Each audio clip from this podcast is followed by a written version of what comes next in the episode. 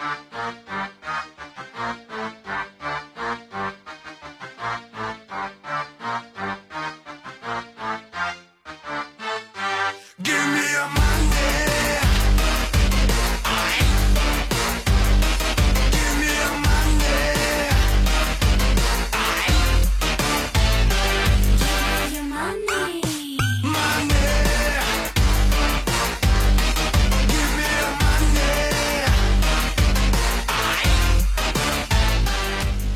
Hei, hei, Jørgen Aasen. God dagen. Velkommen til oss, til meg.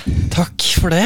Altså en gang til. Hyggelig å ha deg her. Uh, dessverre så er ikke min podmaker og partner in crime Mattis med oss i dag. Nei, Uh, han ble akutt syk og ble sendt hjem fra jobb. sånn skjer. Så uh, du er, vi kan si du er vikaren til Mattis i dag, da, istedenfor gjest. Ja, den, er- den er hyggelig. To dårlige venner. Da får jeg øvd litt ekstra. Jeg har lyst til å drømme om å gjøre litt tøffe greiene dere holder på med etter hvert. Du, du gjør det, ja? Ja, det er nok et steg etter hvert, ja. Ja. Det hadde vært gøy, det. Hva du tenker på? eh, Er det å formidle budskapet? Snakke med interessante folk? Ja, begynner nok med å ja, formidle budskap. Eh, Er du en som kan uh, sitte og ha en one man-show? Eh, Jeg kunne nok det. Det går an når jeg først fyrer opp, så kommer det noen greier. Men uh, jeg og frua er i gang med å gjøre litt uh, ting sammen og sånt, så det, det å kanskje gjøre noe, gjøre noe der, mer sånn med fokus sånn på relasjon og sånt, spesielt familierelasjon. Mm, Så det er nok eh, et, i hvert fall en mulig steg fremover. Det høres veldig interessant ut. Og det er jo, jeg synes også, art, artig når folk eh, tør å satse litt på sånne ting som man ikke har gjort før. Ja, jeg står jo liksom, er litt forkjemper for det å tørre å hoppe litt ut i fruktene og sånt, og da må man, må man gjøre det sjøl. Man kan liksom ikke, eller man må lead by example. ja. Har du tenkt lenge på det, eller? Den har ligget der en stund, ja. Ja. Den har det. Og så har jeg på en måte prøvd å dele litt budskap på Instagram og sånne ting. Og så liker jeg å reflektere litt dypere og lenger om ting, så det blir ofte litt, litt for langt utenfor attention spanet til eh, de fleste som sitter og scroller på Insta og sånt. Så jeg vet ikke helt Ja. om det er der jeg på en måte når flest. Så det, ja. Nei, ja, Det virker som at du må komprimere det i hvert fall ganske mye. Og, det virker, og på Instagram, TikTok eller uh, hvor du nå enn eh, ser de videoene, så må man liksom treffe dem én gang. Og så må du klare å holde dem der. Og så skal det være masse info, det skal gå fort. Det skal være Ja, du må Det er så mye å tenke på liksom, for å klare å holde folk inne i den reels- uh, eller videosnutt-verden. Det er jo uh, Du ser jo sjøl hvis man sitter Man blir jo sittende og scrolle, ikke sant? Jeg gjør det sjøl ja, òg. det rart, den der. Det er, men jeg tar meg sjøl i det veldig kjapt òg. Det er sånn Nei, faen, gi deg. Det her går ikke. Men for det, det sluker hele kvelden. Ja, det gjør det hvis man ikke tar seg selv i det. Jeg har også måttet gått noen runder med bevisstgjøring der og starte med å slette masse apper først, og så liksom komme tilbake og finne en sånn middelvei. Ja, jeg har hørt folk uh, sletter apper sånn for å unngå det. Jeg prøver å ikke ta det skrittet. Du håper og tror at jeg er sterk nok til å kunne redusere det, selv om Altså, dårlige ting vil alltid være tilgjengelig. Ja. Ikke sant? Og hvis man ikke klarer å, å styre seg, rett og slett Jeg, vet ikke om um, Det er jo positivt. Hvis du ikke klarer å styre deg, så må du slette det. Altså, hvis ikke, så har du et problem uansett. Men det er jævlig fint hvis man klarer å redusere det til å Jeg vet ikke hvordan du skal gjøre det i praksis, hva som er greit, hva som er nok. Er det Nei, men jeg er enig i det du sier der. Det er på en måte det. Hvis man sletter det, så viser man jo litt at den tingen kanskje styrer deg litt. Man ønsker jo kanskje egentlig ikke det. Eh, Nei, men eh, ja. jeg hadde um, Nå sluttet jeg å røyke for noen år siden. Det er jo, eh, jeg var røykfri i mange år. Eh, og eh, det jeg la merke til da, det var at hvis jeg slutta når jeg var tom for røyk, på en måte, så fikk jeg litt panikk. Da hadde jeg det ikke tilgjengelig. Og det var det jeg tenkte på. Jeg har det ikke. Jeg har det ikke tilgjengelig hvis jeg trenger den. Jeg har det ikke. Ikke sant? Så det gikk og surra i hodet. Til slutt så måtte jeg gå og kjøpe røyk. Men hvis jeg hadde en halv pakke, og så nå Nå gir jeg meg. Nå har jeg liggende hvis det skulle være noe, hvis jeg føler Hvis jeg våkner på natta og kaldsvetter, liksom får ordentlig at jeg må, så har jeg i hvert fall. Og da, da lugna det seg litt mer mer ned, og jeg klarte faktisk å slutte i to og et halvt, tre år. Ish. Så Jeg likte litt den metodikken der. Ikke liksom bare helt uh, Ja, jeg tror det var- for slem med seg selv. Jeg tror det var min stefar som delte den kunnskapen til meg når han skulle slutte å røyke tobakk for 20 år siden. Det var liksom sånn at hvis han ikke hadde tobakk, det, da kom panikken. Han lette etter den. Det var hele tida noe som mangla. Liksom, det kom opp og det suget. Men ikke sant, bare, som han sa også, bare å kunne Han hadde vel omtrent slutta da, men da var det sånn man røykte inn og sånn, ikke sant. Og han kunne For han da på den tida var det liksom nok å ta den lille konjakken på lørdagskvelden, sette seg i stolen, så hadde han sigaretten imellom eh, fingrene og lighteren i hånda. Det var nok. Trengte, ikke, trengte aldri å fyre den røyken. Kult. Men det stimulerte han på en måte. Og Det merker jeg også er jo rutinene. Mm. Ofte. Kanskje det med, kan uh, sammenlignes med Instagram reels og TikTok-videoer. Rutinene dine. Ja. Eh, det gjør nok litt det, ja. Det er spennende bare hele det der aspektet med avhengighet og sånn, syns jeg. da. Det der du kommer inn på der, og hvor utrolig avhengig vi er av alt mulig rart. Og Ja. lett at vi på en måte stigmatiserer de som er, eh, som er avhengig av litt harde, harde ting. Da. Og så er vi altså helt ned i så enkle ting som mat. Vi, ja, vi trenger mat for kroppen vår, men vi er eh, det er jo en form for escape ofte, det også. Liksom, en, litt pleasure her og litt, eh, litt dopamin fra, fra Instagram her og TV-greier her, bare for å dytte litt bort alle de tingene som kan være krevende. Og den tror jeg mannen i gata har godt av å se litt på, for vi, Ja. vi gjemmer oss mye i ting. Vi gjør det, og, og det er også å uh, kicke folk da som er avhengige av ting. Altså Som du sier, det er forskjellige grader av avhengighet og forskjellige ting å være avhengig av, men uh, hvis du leter dypt nok, så er vi alle avhengige. Uh, se bare kaffe. Ja, Det er jo litt rart for en som sier til meg 'herregud, du er så avhengig av den røyken', og så racer han til kaffemaskinen om morgenen for å få i seg den kaffen. Eh, Han har ikke snakkende stille før han får den kaffen. Nei, Det er meg, det er òg, forresten. Så her går det både kaffe og røyk. Men uh, dessverre. Men jeg tror, uh, hvis du reflekterer litt, så og prøver å ta ut en del ting av livet ditt. Prøv å ta ut kaffe, f.eks. Mange sier jo det at de får en vanvittig mye bedre søvn. Jeg har hørt veldig mange som sier det når de har kutta ut kaffen, og visste ikke at de hadde dårlig søvn før de hadde kutta ut kaffen. Har du hørt noe om det, eller? Ja, det, det, jeg har tenkt litt på det selv også. For det er jo veldig lang halveringstid på koffein. Eh, Det er, vel rundt seks timer. Etter seks timer så har du halvparten av den koffeindosen som du fikk i deg. Så det vil si at du, egentlig så burde vi slutte veldig veldig tidlig, for at det er i blodet ditt veldig lenge. Men så venner vi oss jo kanskje til, å, til den tilstanden. Så, man, så trenger man først å få en kontrast med å kutte først, for å se, sånn som du sier, for å faktisk se at wow, det, jeg så kanskje ikke så bra som jeg trodde. Nei, nemlig. Uh, det kan nok være noe i det. Dette er vel min siste kopp, og vi er vel omtrent klokka halv seks på ettermiddagen. Ja. Normalt sett så har jeg siste koppen i fire, fire. Kanskje jeg tar meg en kopp kaffe når jeg kommer hjem. Kanskje, hvis det er noe igjen på kanna. Men uh, søndagsmorgenen er manisk. Da er det en kanne før kjerringa har stått opp. Ja, det er det. Ja, det er helt forferdelig, altså. Ja, den er tricky, den der. Den den der hva, hva er det man er avhengig av? Ofte, ofte så er det jo det, det er lagt mye kos i det. Altså bare rutinene. Man er ofte avhengig av bare rutinene også. Ja, det var det jeg snakka litt om i sted. At du har de rutinene dine som, eh, som nesten er vanskeligst. Jeg sitter også og tenker eh, ok, kutt ut kaffe, kutt ut røyk, kutt ut Ok, la oss si kutt ut Instagram. I hvert fall i stor grad, da. Hva faen skal du bruke tida på? Ja, nei, man må Den har jeg gått en liten runde med også, på en måte jo mer bevisst jeg føler jeg har blitt, da, og må følge med på ting som er bra for seg og sånt. Og så plutselig blir det sånn Ja, men hva, hva kan jeg egentlig gjøre? Alt er i teorien ikke helt bra for meg. Så bare sånn Ja. Man kan jo ikke, man kan ikke kutte, kutte alt, eh, alt heller. Vi må heller se litt på hva som man etter hvert merker ta, da. Tar, tar litt av kaka, liksom. Ja, det må man. Hvilket årstall er du født? 92, 92. 30. Så det er ikke all verden av internettfri, datafri barndom du har fått? Nei, det begynte vel i sånn slutten av, eh, slutten av barneskolen at, med litt gaming og litt sånne ting da. Så, Ja. eh, og, eller jeg fikk jo jeg fikk telefon tidlig også. Game of Snake fra første klasse. Så. Ja, men du har fått Snake. Ja, det setter jo ting litt i perspektiv da, på hvordan den er nå, selvfølgelig. Ja. Men, men, eh, men da har du også hatt i yngre tider hvor du ikke har blitt underholdt av et nettbrett. Så vi var jo helt, helt klart kapable til å, til å finne på ting. Ja. Jeg tenker tilbake, vi var jo aldri inne. Vi var jo aldri hjemme. Det var jo aldri noen skjerm som underholdt oss. Det var, det var ute på sjøen, ute på fjellet, ute og springe, ute og gjøre faenskap. Mm. Altså, og det er sunt. Vi gjør faenskap.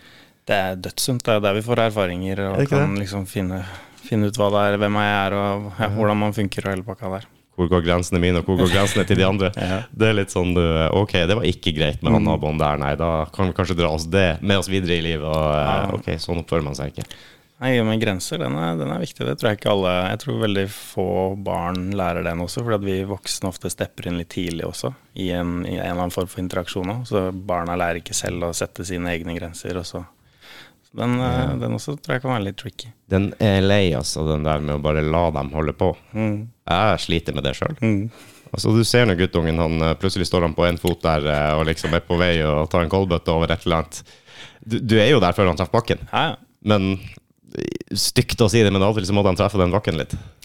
Man må det. Ja. Eh, Erfaringen er der, på en måte. Jeg hadde en liten greie på Jeg var på Ullevål sykehus med sønnen min. Ja. Til en uh, liten kontroll der, øyekontroll og litt sånn. Han er åtte år.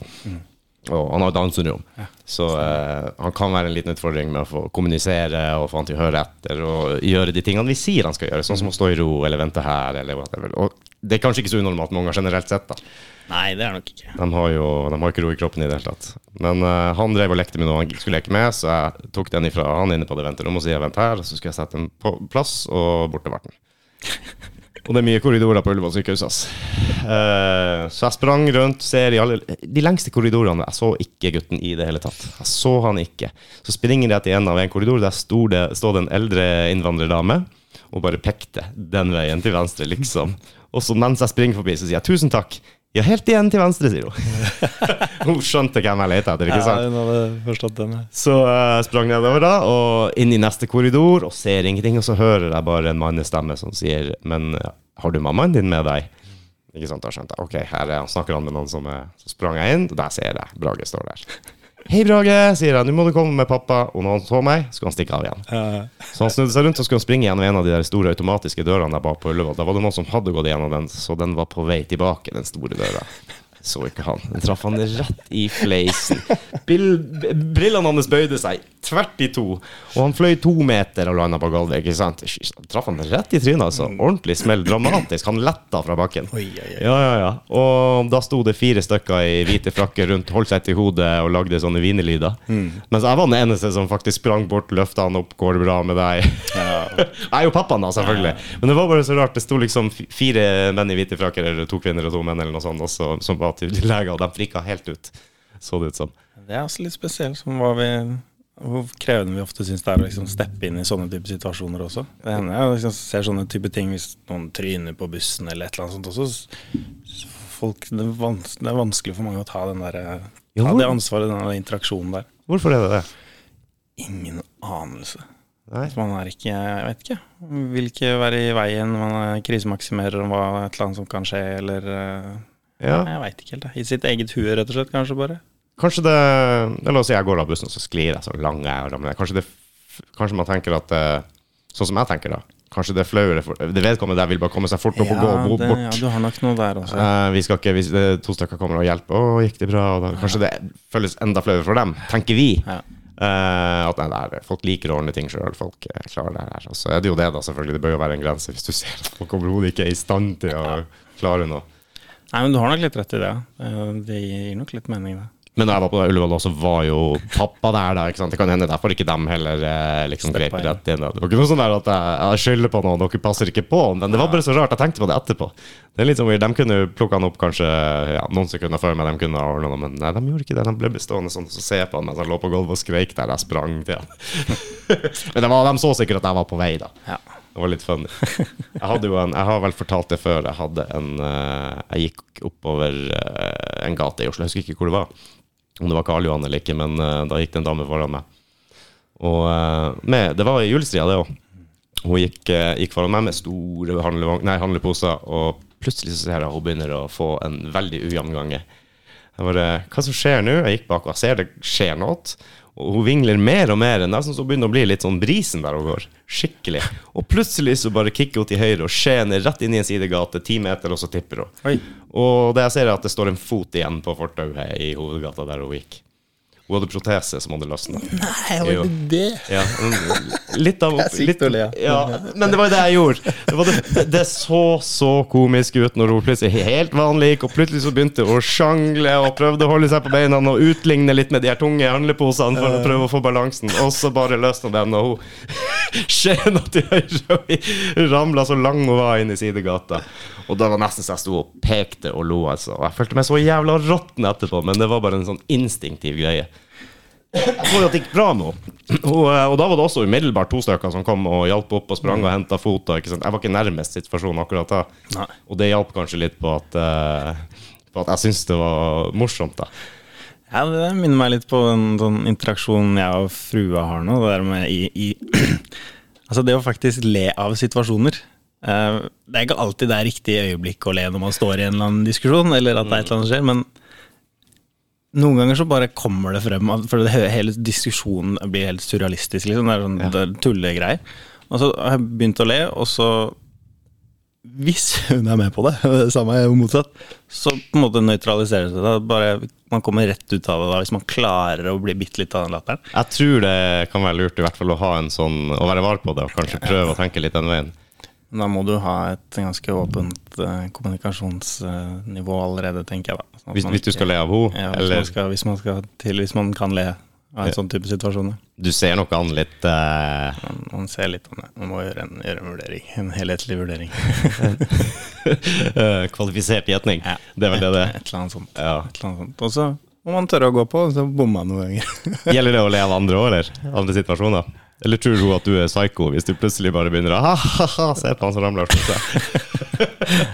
Nei, det kan nok hende at jeg hadde ledd litt av den situasjonen du sto i også. Ja. Ja. Det er nok fort gjort. Men ikke sant, hadde jeg vært alene og sett henne og det kelka hodet i bakken og blødd og Nei, blir det noe helt annet. Det hadde blitt noe Kanskje jeg hadde flirt når hun vingla der. Men uh, nei, jeg, jeg fikk en sånn super latterkrampe akkurat når jeg så hva som hadde skjedd. Jeg så foten stå igjen. Jeg fikk analysert en situasjon. Jeg skjønte hva som hadde skjedd. Og jeg så at det var to stykker som hjalp på beina. Hun var helt fin, litt flau sikkert. Og alt det, og da, da, da brøt jeg fullstendig sammen.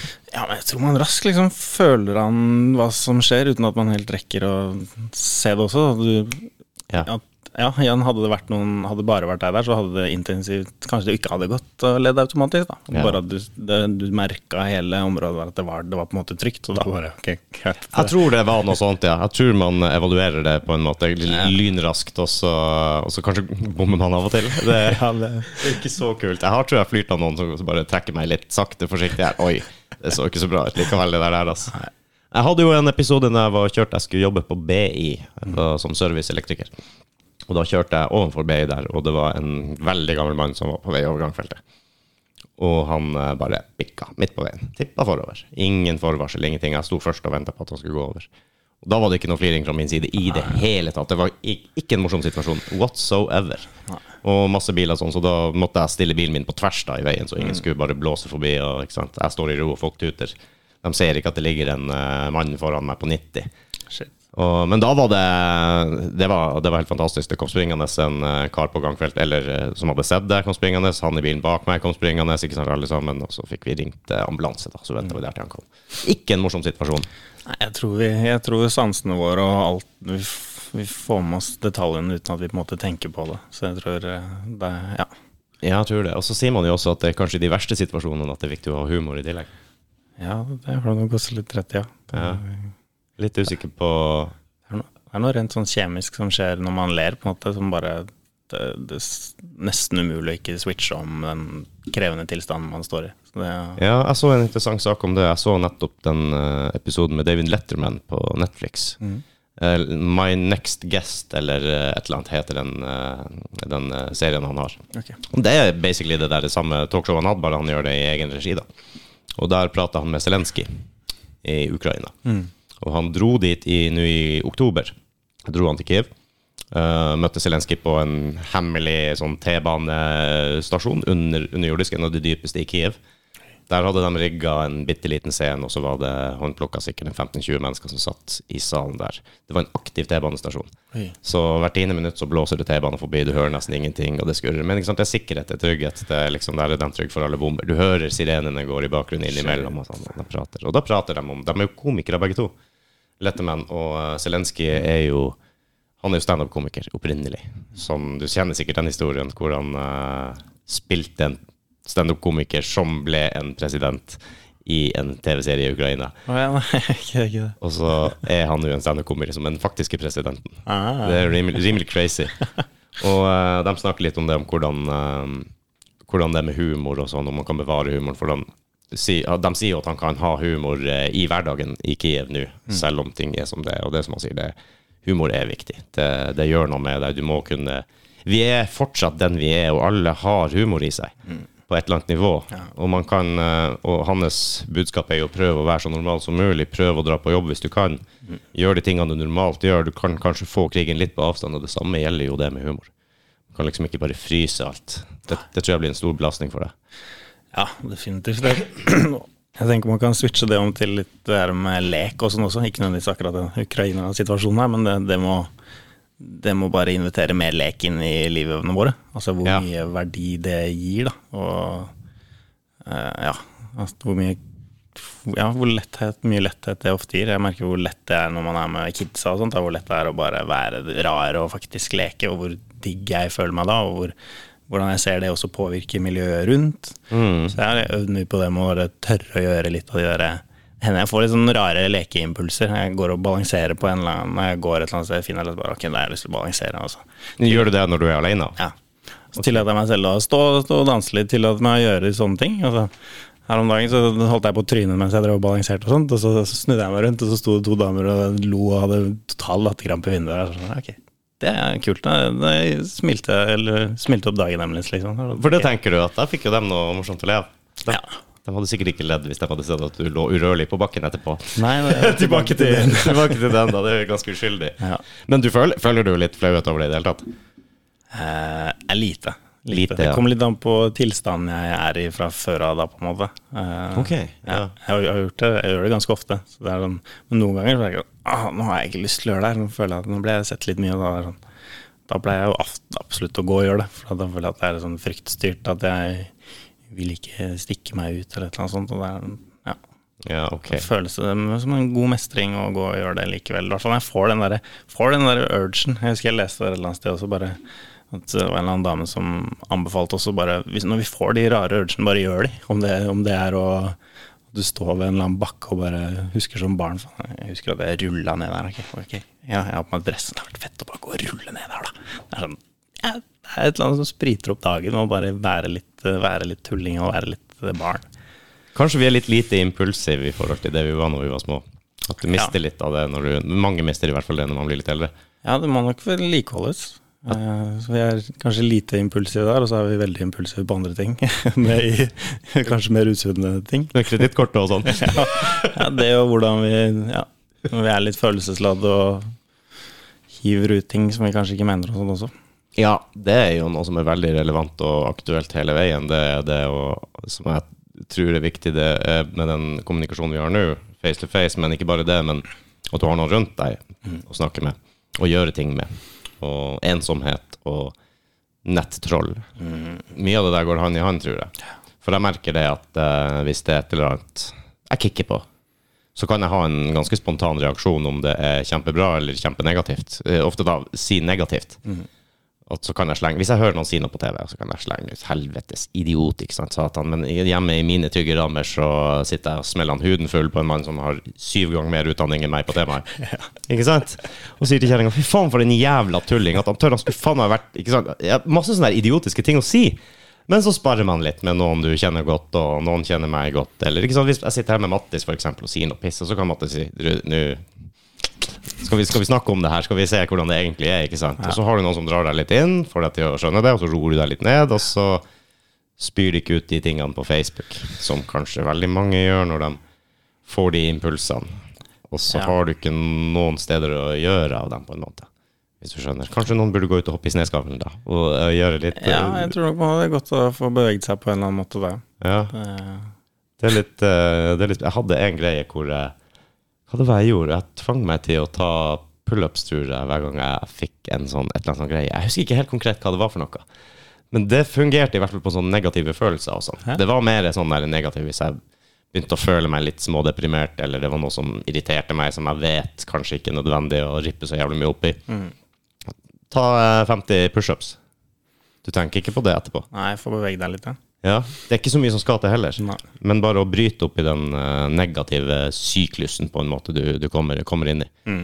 Og noen ganger kommer man ut av den helt fin sjøl, kanskje 10 minutter, 15 minutter, 20 minutter. Også det å Også det å Jeg sa i sted at du kan ha noen å spare med, ha folk rundt deg, men også det å kunne ha muligheten til å få 15-20 minutter alene, kanskje, Ja, er også veldig verdifullt, ser jeg. ja få lugna ned litt. Grann, ja. Det er kjempeviktig. Jeg merker det f.eks. i jobbsammenheng at når jeg kommer hjem og sånn, så hvis jeg kan få Si et kvarter, da. Bare et kvarter, 20 minutter. eh, og liksom avklimatisere meg. Og så får ikke jeg, tar ikke jeg med meg mye av det stresset, da, den jobbmodusen jeg har. For kan liksom, jeg kan være på jobb i åtte timer, ti timer, og får ting til å skje. Ikke sant? Du gjør det, du gjør det, sånn og sånn blir det. Sånn skal jeg gjøre det, jeg bestemmer. Da, da, da, da, -hmm. Så kommer du hjem, og så kanskje du er i telefonen i bilen på hele veien hjem, så er du hele denne modusen, så kommer du hjem, og OK, middagen er på. Det blir sånn det blir veldig feil, ikke sant? Og kanskje litt ubevisst. Og Jeg har aldri sagt noe om det, men jeg føler det sjøl, at jeg kanskje er litt sånn ekstra oppjaga. Fordi at du er i Så like, OK, da chill ut. Om, om det å stoppe et sted og bare chille litt, eller rett og slett bare, bare gå ut. Ta det litt lugnt, ta en tur, gjøre et eller annet sånt, og så kan man, kan man liksom komme inn i familielivet når du kommer hjem. Og jeg, jeg har jo jobba med engelskmenn, f.eks. De har samme greia, men de går innom puben på vei hjem. og så, og, og de, de sier jo det til meg, at det er veldig positivt. Fordi at da kan de spare med all den dritten som skjer i løpet av dagen på jobben, sånn, med kompisene sine, Nei. før de kommer hjem. Men spør nå fruen. De vil helst ha han gubben hjem og snakke med dem. Ja, vi vil nok det også. Men jeg tror det, jeg tror det er sunt å ha jeg tror det, Eller jeg vet at det er mangel på det, det å ha dype samtalepartnere, på en måte. Og det Jeg har jo vært med og arrangert sånn, ja, sånn delesirkler med menn og sånt. Det var på mannsdagen her nå i. Ja, på, i slutten av november. Så var vi par og 50 menn som møttes, og så var vi fem stykker som fa fasiliterte. Og så delte vi oss i grupper da, og satt i, satt i sirkel og delte, delte om ting og tang. Og Da sitter vi og da er det en som på en måte tar plassen sin, og så får den eh, rom til å bare dele helt fritt uten at eh, andre skal kommentere noen verdens ting. Eh, du skal bare få, få av det som føles levende og emosjonelt i deg, for å på en måte Ja. Og det har, vært, det har vært veldig, veldig, veldig fint. Du sa 50 stykker. Ja, det her var et uh, litt Vi er, vi er en kompisgjeng som er uh, tolv stykker som gjør det her en gang i måneden til, til vanlig. Oh, ja, oh, ja. Men det her er en, en, han som arrangerer den. Vi kjørte en større, et større arrangement, da. Det er kjempebra med, med så mange. Ja, det var kult. Og så kom det noen damer etter, og så da hadde vi, hadde vi dansing og hele pakka for å feire, feire menn, da. Så det var Mm. det er veldig fint. Jeg har sett på en måte effekten av det. Jeg har holdt på med det her i to år, en gang i måneden. Og bare ser effekten på hvordan, ja, hvordan alle sammen har det bedre med seg selv. Og bare det å få ut, uh, få ut ting og få, ja, ha folk å spare med. og Mm. Ofte bare det å bare dele. Ofte så trenger man ikke nødvendigvis å få noe svar heller, for ofte så har vi jo løsningen på ting sjøl. Trenger bare å på en måte bli lytta til. Det merker jeg, at av og til så trenger du bare å si noe til noen. Og da er det veldig greit at du har kanskje riktig person eller riktig folk rundt deg å kunne si, si ting til. Ja. Som kanskje ikke tar seg nær av ting, eller kanskje forstår at det her er noe som trengs å bare sies. Ja. Og det er jo litt lettere når man skaper et sånt forhold som det. ja, det er litt lettere. Og Jeg må, jeg må si jeg har blitt veldig, Med årene som har gått, så har jeg blitt veldig mer åpen om ting som skjer i livet mitt. Både når det kommer til kollegaer og venner og familie og alt. Gidder ikke lenger å liksom holde alt til brystet. Og hvis jeg har trøbbel hjemme, så sier jeg det på jobben. Hvis jeg har en, er i en dårlig periode. Hvis det er noe, så er jeg alltid åpen om det, til, i hvert fall i, i stor grad. så bra. Ikke nødvendigvis detaljer, men liksom OK, nå er det noe dritt. Sånn er det. Føler det sånn. Har kanskje fokus et annet sted. Uh, har det ikke så bra. Eller har det veldig bra. Hvis jeg har det veldig bra, får masse positive nytt av private ting, jeg kan fint snakke om det i lunsjen. Det er ingen problem. Men det er likevel et, eh, et skritt å gå til en sånn sirkel, på en måte. Det er noe annet igjen. Det er på en måte den, Jeg ser jo at det er typisk Det er en type mennesker som er med på det der, på en måte. Det er ikke Det var veldig utfordrende for meg første gang. Det, Ja, det er en litt sånn Det er, litt, ja, det er, litt, det er uvant setting, da. Det hadde jeg lyst til å spørre deg om det. Hvordan føler du det første gang du skal gjøre det? Du, du kjenner jo kanskje Du kjente kanskje dem rundt deg da på den tida? Nei, da kjente jeg bare én av de. Og så var det et par engelske der også, så det, første gang så skulle jeg ta det på engelsk òg. Så det, var, den, var, den var tricky. Og så da gikk jeg også på en måte flere dager i forhånd og tenkte hva jeg skulle si. Og der kommer liksom den prestasjonsgreien at eh, ja, hvis jeg skal dele noe, så må jeg i hvert fall dele noe bra. da Dele noe som høres kult ut, eller jeg vet ikke helt hva. Ja. Men, eller bare frykt om ikke helt vite hva det er du skal si. Du blir ikke rangert i form av sånn stjerner og terningkast de, de gjør jo liksom? ikke det, men oppi hodet så tenker vi så, så Vi har jo et prestasjonssamfunn, Altså, det, sånn at det, ligger kanskje litt i oss, i hvert fall. Eller i hvert fall i meg, var, var det i hvert fall det i starten. Ja. Men det ble veldig, det ble veldig fort, eh, veldig fort uh, trygt, og jeg følte meg ganske fort hjemme i det. Og, og så prøvde en annen type greie. Hvis man, er, hvis man er en større gjeng, men bare sette seg én og én foran hverandre, og så får den får f.eks. du fem minutter til å dele til meg, Mm. og så får jeg to minutter til å fortelle hva jeg følte jeg så. Eller hva jeg følte jeg Hva, hva du sa, da. Hva jeg, hva jeg tolka. Å ja, så kan du, hvis jeg forteller deg Jeg får fem minutter. Mm. Ok, nå skal jeg bare dele noe til deg. Du vet ikke hva som kommer. Og så skal du på en måte Ja, du skal tolke det. Se hvordan du tolker det, og, og skal du da si noe tilbake, og Eller skal du bare føle på det? Nei, da har jeg to minutter på å si, bruke mine ord på det du sa, da. Eh, Og okay. da kan jeg, da, bare for, da får man et lite sånn sammendrag, pluss at man At jeg kanskje også eh, reflekterer eller speiler litt det kroppsspråket ditt. Kanskje det er noe du eh, Når jeg gjorde det her med en annen kompis, så snakka han noe rundt jobben sin som lærer, da. Og så merka jeg at han ble stolt. Jeg merka at han liksom han, han vokste litt. Det her var noe han, han visste at han presterte på, at han gjorde en god jobb der. Og så fikk jeg liksom sagt et eller annet, så da, da fikk han fikk han litt kontekst han kunne på en måte kjenne på der, da. Og det, det, det her gjorde vi faktisk eh, Det var en innflytningsfest med noen nye venner her. Og da Du veit selv når man kommer inn i en gjeng eller et nytt rom med 30 stykker og sånn Det er liksom, Man må lande litt, og det, litt, det kan være litt stress, eh, stress i de der sosiale setningene, syns i hvert fall jeg. Og da satte vi oss rundt der, og så satte vi oss en og en foran hverandre, og så på en måte bare kjenne litt Ok, hvor, hvor, hvor er jeg nå, liksom? Mm. Og etter det så bare da flyter samtalen mye lettere. Jeg kjenner at det er roligere inni meg. Så det, det er verktøy vi har tatt med oss hjem, meg og frua også. Så okay. det blir litt eh, For det er, det noe verdi i den der å bare få helt tid, ikke, ikke ja, Få, få snakka helt ferdig, da. Ja, for eh, en kommunikasjon er jo utrolig bra, men som du sier, kanskje det, En kommunikasjon går jo naturlig fram og tilbake. Så, og eh, Ikke det at det er feil og at jeg sier noe, så svarer du, og så blir det sånn, men kanskje ikke du kommer inn på det sporet du egentlig hadde tenkt til. Nei. Veldig mye distraksjoner blir det. Du blir, jeg blir å svare på det du sier, og så kanskje tar det oss en annen vei. I forhold til at jeg sitter i fem minutter og rett og slett bare Ja, det var det jeg hadde nå. Og så hvis du skal på en måte analysere det, du tar et par minutter og liksom på en måte repeterer det, da, eller an- hvordan du gjør det, men det betyr jo også at du følger med på hva jeg sier. Det setter litt ansvar på deg, og så faktisk, ok, nå må jeg fokusere på han her fyren. Jeg kan ikke sitte og og så skal Ja, OK, hva du sa for noe? Nei. Det blir veldig teit, altså. Ja, du må følge med litt, og jeg tror eh, Jeg vet i hvert fall basert på meg sjøl at jeg har ikke vært så veldig god lytter tidligere. Det er veldig fort gjort når man sitter i en samtale, og så sier du noe, og så kommer jeg på et eller annet jeg har lyst til å svare, og så begynner jeg allerede å svare opp i huet mitt, og så, det sånn, og så har det gått 20 sekunder, og så pokker har du sagt nå? Ja, det- og så har man glidd ut. Så det jeg, Når jeg begynte å se på det der med når Man er i en samtale mer som en, en mulighet for å meditere, egentlig. En mulighet for å være skikkelig til stede. Og bare Ok, ja, det kommer en tanke som jeg har lyst til å si som er kul, men bare ok, nå hører du faktisk, Jørgen. Og så når det er plass til at du skal svare igjen, så får vi se hva som kommer da. Men det å faktisk bare lytte, lytte ordentlig. For det tror jeg man, man merker fort når den andre ikke lytter. Sånn egentlig. Du merker at det, måte, det, er noe, det er noe energien som føles litt off når du du ser plutselig folk bare begynner å snurre opp i sitt eget hue.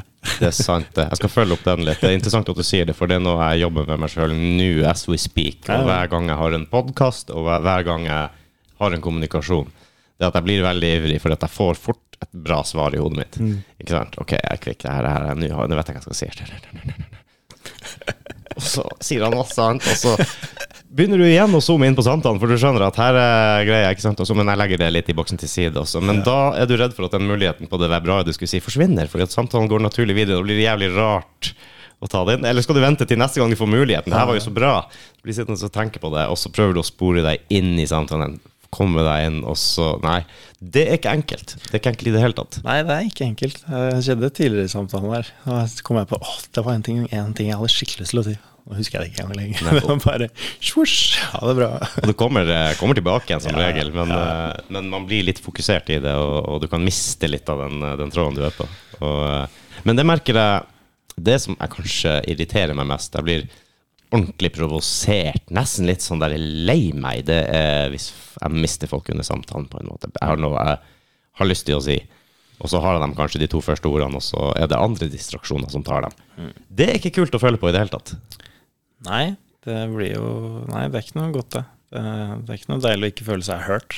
Det, Nei, er det ikke det? Selv om det det handler jo på en måte ikke om det du sier, mest sannsynlig. Det handler, du vet jo selv igjen hvor fort det er å gli bort i et eller annet, og det var den der, om det var den regninga eller var det jeg skulle gjøre, og så Ja. bare ping, er du borti et eller annet helt annet. Ja, det er akkurat det. Så det blir jo en form for trigger at du på en måte ikke da føler deg hørt, da. Og Ja. Det tror jeg er en fellesnevner for de fleste, at eh, vi har noen sånne mikrotraumer fra barndommen eller et eller annet sånt hvor vi ikke har blitt, eh, blitt hørt, og så får vi de trigga i sånne typer situasjoner. Ja, men jeg husker, jeg husker ikke at jeg følte det sånn da jeg var liten. Nei, Men, det trenger ikke være sånn. eller? men det kan godt hende man gjorde det òg. Fordi at hver gang man ikke har tid til ungen som spør deg om noe, eller 'pappa, pappa, pappa', ja, vent, ja, ja, vent, vent. Og i hvert fall hvis du sitter og scroller. Ja, vent, vent. Hvis de får det fem-seks ganger om dagen, ikke sant, så er det jo indikasjon på at de, man hører ikke på dem. Man har ikke tid til å høre på dem, og du prioriterer ikke å høre på dem. Og hvis de har en 10 av det jeg kjenner på, hvis jeg begynner med en samtale med noen, og så drifter de av gårde, og så hører jeg veldig fort at de svarene jeg får, de følger ikke med hva jeg sier, de bare svarer på autopilot, ikke sant? Man gjør det, ja. Mm. Ja. Mm. Det er surt, det. Det er så jævlig surt. Så jeg blir litt mer var på det, og så prøver liksom å ta den tida. Og liksom, ja, hva det er for noe. Altså, gi fokuset. Men det er noe man jobber med. Jeg er ikke, ikke perfekt på det på noen måter. Nei, Nei det, kommunikasjon er veldig spennende. Det, er, det, det kan være tricky. og igjen der som Vi snakket, vi begynte litt inn på det her med triggere igjen også. Og den den syns jeg er veldig nå, Den er veldig spennende. Nå begynner jeg å se det at Nå begynner jeg å synes at trigger er litt gøy, egentlig. Ja, du tenker på at, da, at du vet de kommer, eller at du, Nei, altså hvis du, sånn som her for eksempel, at du kan bli litt trigga av at noen ikke hører etter. ja. Eh, jeg på en måte Jeg ønsker jo ikke å ha det sånn, på en måte. Altså jeg blir, at jeg merker at jeg har det kjipt inni meg eh, hvis, hvis en sånn type situasjon skjer. Mm. Så jeg prøver å se på det som en en posisjon for å kunne lære noe. Da. At, eh, at eh, ok, det her kommer kanskje fra, fra, fra barndommen, det kommer kanskje fra et eller annet annet sted. Ok, jeg, jeg skjønner at det ikke var digg å ikke føle meg hørt, men eh, det er ikke den situasjonen jeg egentlig står i nå, og det handler ikke om meg. Ikke? Og så kanskje man så merker jeg etter hvert når jeg står i lignende situasjoner senere, så merker jeg at jeg blir mindre emosjonelt trigga. ja. Um, Man er litt oppmerksom på det, rett og slett. ja, man er litt oppmerksom, og så sletter man kanskje litt av de der føler at man kan slette litt av disse triggerne. At de blir på en måte borte. At du etter hvert klarer mer å bare observere, i stedet for å på en måte bli, bli trigget av det. Ja, jeg tror det kan være lurt å lære seg sjøl å kjenne, i hvert fall. Og kanskje også vite at ting kommer fra et sted. Eh, vanligvis, da, i hvert fall. Uten at man nødvendigvis ikke trenger å drive ordentlig, ordentlig sånn soul-searching av psykologer, men at du kanskje Ja, du vet at ting er som det er, du vet at du har sånne triggere. Og Bare kjent med deg sjøl, rett og slett. Jeg, tror, jeg tror det kan være, være ganske positivt. Uh, tror kjent med seg selv er eh, veldig smart. Hva, både hva man liker, og hva man trigges av, og hva man ikke liker. Og det, ja, det Ja. arbeidet jeg har dykka ganske godt inn i det siste, og det har gjort at jeg ringvirkninger er at jeg har det bedre med meg sjøl. Så det Mm. Ja, for du går aktivt inn på å prøve å, å øke din egen livskvalitet, og dem rundt deg også. ja. For jeg tror at hvis du får økt livskvalitet, så får de rundt deg en økt livskvalitet.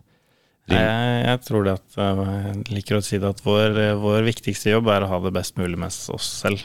Eh, For hvis jeg, har det, hvis jeg har det bra, så gir det ringvirkninger på de jeg møter, og de rundt meg. Mm. Eh, Og ja, begynne med å ta vare på seg selv først, da, for det er veldig, det er veldig lett å gå i sånn people pleasing eh, i stedet. Da. Bare ok, vi fikser, vi hjelper andre, andre først, og så undertrykker jeg mine behov. Og selvfølgelig i noen situasjoner så må man jo gjøre det. Men eh, jeg tror mange av oss har godt av å sette seg selv først. Tørre å være litt ego innimellom. Jeg, det trenger ikke å være så negativt, syns jeg egentlig. Det er, eh, jeg tror det kan være viktig. Er det en manneting å være dårlig og ta vare på oss sjøl? Fysisk og mentalt. Noen er flinkere enn andre på, på begge områder. og, og sånn, men Ja, jeg tror jo definitivt det. At man har fått noen sånne programmer fra tidligere om at eh, skjerp deg, gå, bare gå og gjør det du klarer, og bare pushe gjennom, eller Sånn er jeg på en måte oppdratt. Ja. Liksom pushe det. Altså, eh, klar deg sjøl. Eh, altså, du, hvis du Hvis ikke du maser for mye på folk om hjelp, så, så? Hvordan var det han formulerte det en gang i tida? Hjelp deg selv, så holder alle dine venner av deg. Var det en som sa til på en gang. Ok. Ja, og, og det syns jeg er veldig positivt. Og jeg er fortsatt på den mentaliteten ganske sterkt. Det at eh, prøv. Prøv sjøl. Det er mer kanskje sånne rent fysiske ting og, og, og sånn, men eh, eller oppgaver, eh, ting du er nødt til å løse, ting som er tungt, ting som du kanskje ser, ser som at du ikke klarer det, uoverkommelig. Men prøv.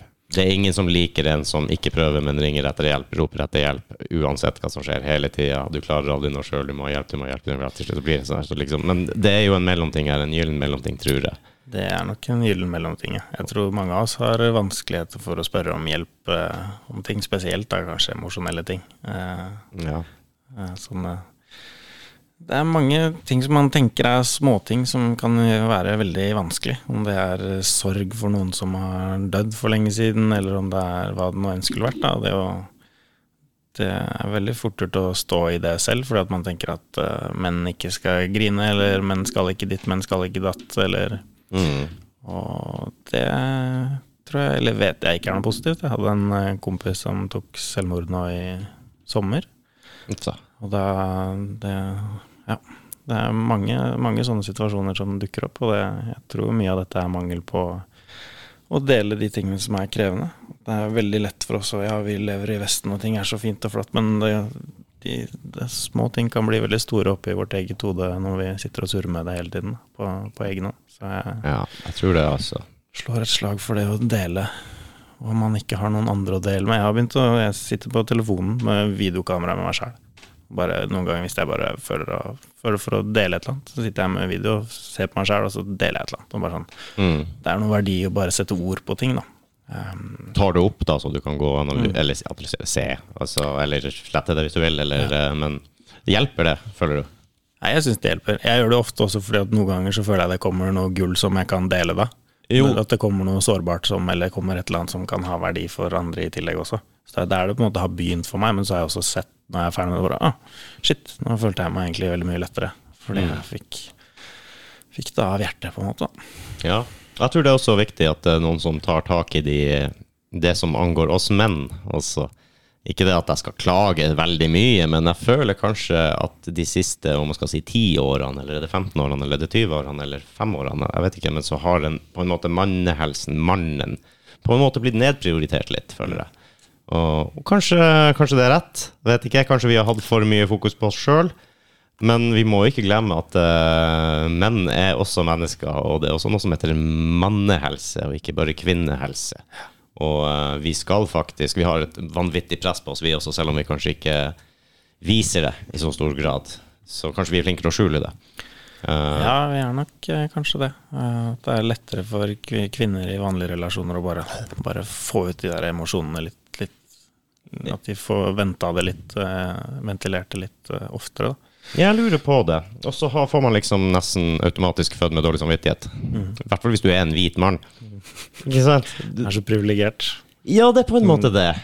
Eh, ok, du kan sette privilegert i et perspektiv, da. Altså, vi er griseprivilegerte, men, men likevel så er det noen ting som blir veldig stort. Det er en grunn for at vi topper eh, statistikken på dårlig mental helse, liksom. Det, det, Gjør vi det i, i Norge eller ja, jeg, Skandinavia? jeg mener at det, Norge er helt, helt, helt i toppen der. Mm. Uh, og da er det noe som ikke, ikke fungerer helt, da. Ja, men det kan du også se i sammenheng med at kanskje vi vet om de tilfellene i stor, større grad her i Norge enn i andre land. Og det kan hende det er mørketall som ikke rett og slett blir fanga opp fordi at de har et dårligere helsesystem, kanskje. Det kan godt hende. Det kan jeg Kanskje. ikke godt nok på hva, hva slags type studier, hvordan de har, hvordan de har målt det der. Eh, men eh, Det er vel ikke noe tvil om at globalt sett på så Selvmord blant menn er jo Den statistikken ser jo ikke bra ut i det hele tatt. Nei, den er, den er mørk. Ja, den er veldig mørk. Og um, jeg hadde um, Jeg hadde vår forrige gjest, ikke den puppen der, men det var uh, disse karene, Metalheads Against Bullying, Ja, som vi hadde. ah, kult. Uh, de har uh, tatt noen veldig, veldig gode grep. Tøft. Ja, de har blant annet uh, en kampanje eller en gruppe som heter Prettier Scars. Som han samarbeider med flere tatovører som eh, donerer da, gratis tatovering over selvskadingsarr og sånn. For folk som har det synlig, som kanskje ikke ønsker å snakke om det. Kanskje ikke ønsker å bli spurt om hva de har an, kanskje har lyst til å ha på seg noe fint i jul. Eh, og kan eh, Ja, på en måte ikke at det er det første du ser, da. Nei. Og det er veldig veldig, veldig mange som har fått en utrolig mye bedre livssituasjon i rett og slett i det at du har noe, noe fett å vise på, på underarmen din i form av en eh, blomst. Uansett noe som betyr, betyr noe for deg. Ja, det, det er jo sånn ser man en som har kutta seg, så går den andre personen plutselig litt i sånn «Å, 'syns synd på', eller at det er lett og sånn, Ja. eller ja, det er vanskelig. Skal man tippe det over, skal man spørre, skal man hva Ja, så og det så merker man på en måte om man eh, Kan kanskje ta bort litt fokus også på den du faktisk er i dag. Og, og, så, og um, Et veldig bra tiltak, syns jeg. De har fått utrolig god respons, og de gjør det også på en måte. De tror de kjører sånne puljer to ganger i året. Kult. Og der har det ingenting å si i hvilken stor grad du har skada deg sjøl, hvor altså For det, de, det er liksom så så mange plasser har vi, det er de første som sender en e-post der og der og der. De har plassen. Og du trenger ikke å vise bilder, du trenger ikke å forklare noe. Det her er det ingen som skal tenke at nei, ok, jeg kom ikke med for det som har skjedd med meg, var ikke alvorlig nok på en måte. Ikke sant? Jeg hadde bare en liten en. Det kan være alvorlig nok som bare det. Og det som jeg sa til han også, at det er jo som jeg, Det her parafraser jeg nå, som det heter. Det er noen som sier det, jeg husker ikke hvem, at uh, det verste som har skjedd deg, er det verste som har skjedd deg. Ikke sant? Og, Det er, det er subjektivt, så er, den, den smerten kan være like stor selv om det er to helt forskjellige ting. Så det er så viktig. Det, det er lett å liksom undervurdere sine egne traumer eh, fordi mm. man tenker at ja, men det er noen andre som har hatt noe mye verre. Ja, nemlig. nemlig. Og han, han Leif, Leif Munkelien som dro i gang det her, han, eh, han eh, ble vel ufør. Han fikk da skjedd noe med kroppen, prøvde seg på en omskolering, det går som det går, og så til slutt så ble han ufør da og måtte gjøre noe. Og eh, bare kom på det her. Metalheads Against Building. Han har bestandig vært i metal-miljøet, han liker musikken, og han snakker også veldig mye om det som vi alle sammen, som jeg kjenner, opplever også, at det er veldig inkluderende metal-miljøet. Man er aldri utrygg, du blir, blir veldig godt tatt vare på.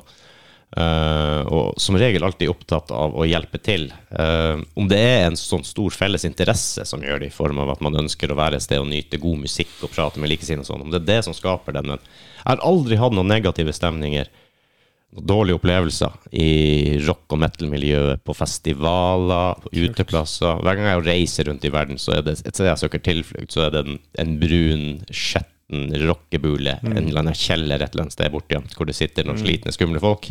Der føler jeg meg bra. Ja, kult. Og, og de har jo stand overalt på alle festivaler nesten som er. De har jo blitt internasjonale nå. Tøft.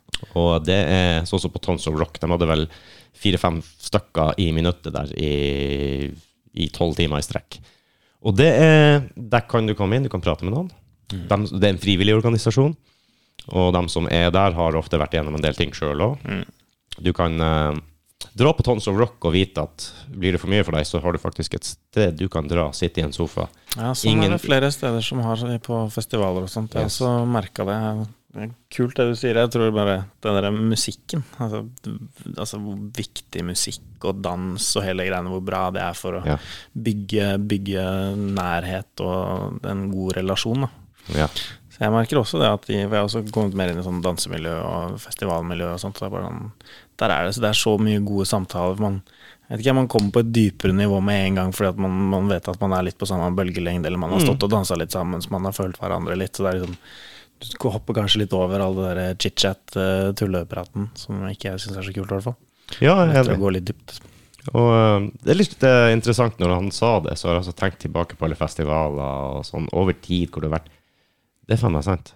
Ta en sånn bytur i Oslo sentrum, og du ser mer enn jeg har gjort på ti år med festivaler av drit og mørk. Det er ingen som er negativ. Altså, okay, du har selvfølgelig unntaket, men det er et eller annet der. Den stemninga, øh, Altså det fellesskapet man får da når man er der, det, det er litt rart. Og som de sier, du, de har en stand der du kan komme, du kan kjøpe merch hvis du vil. Du kan snakke med noen hvis du vil. Du trenger ikke å snakke med noen. Du kan gå og sette deg i sofaen og bare være i fred. Ha et rolig, stille Stille i den grad du får stille på en festival, men eh, i hvert fall et trygt sted hvor ingen stiller deg spørsmål hvis du ikke føler for det. Og liksom bare Du kan få en timeout, rett og slett, og så kan du gå ut og kose deg igjen.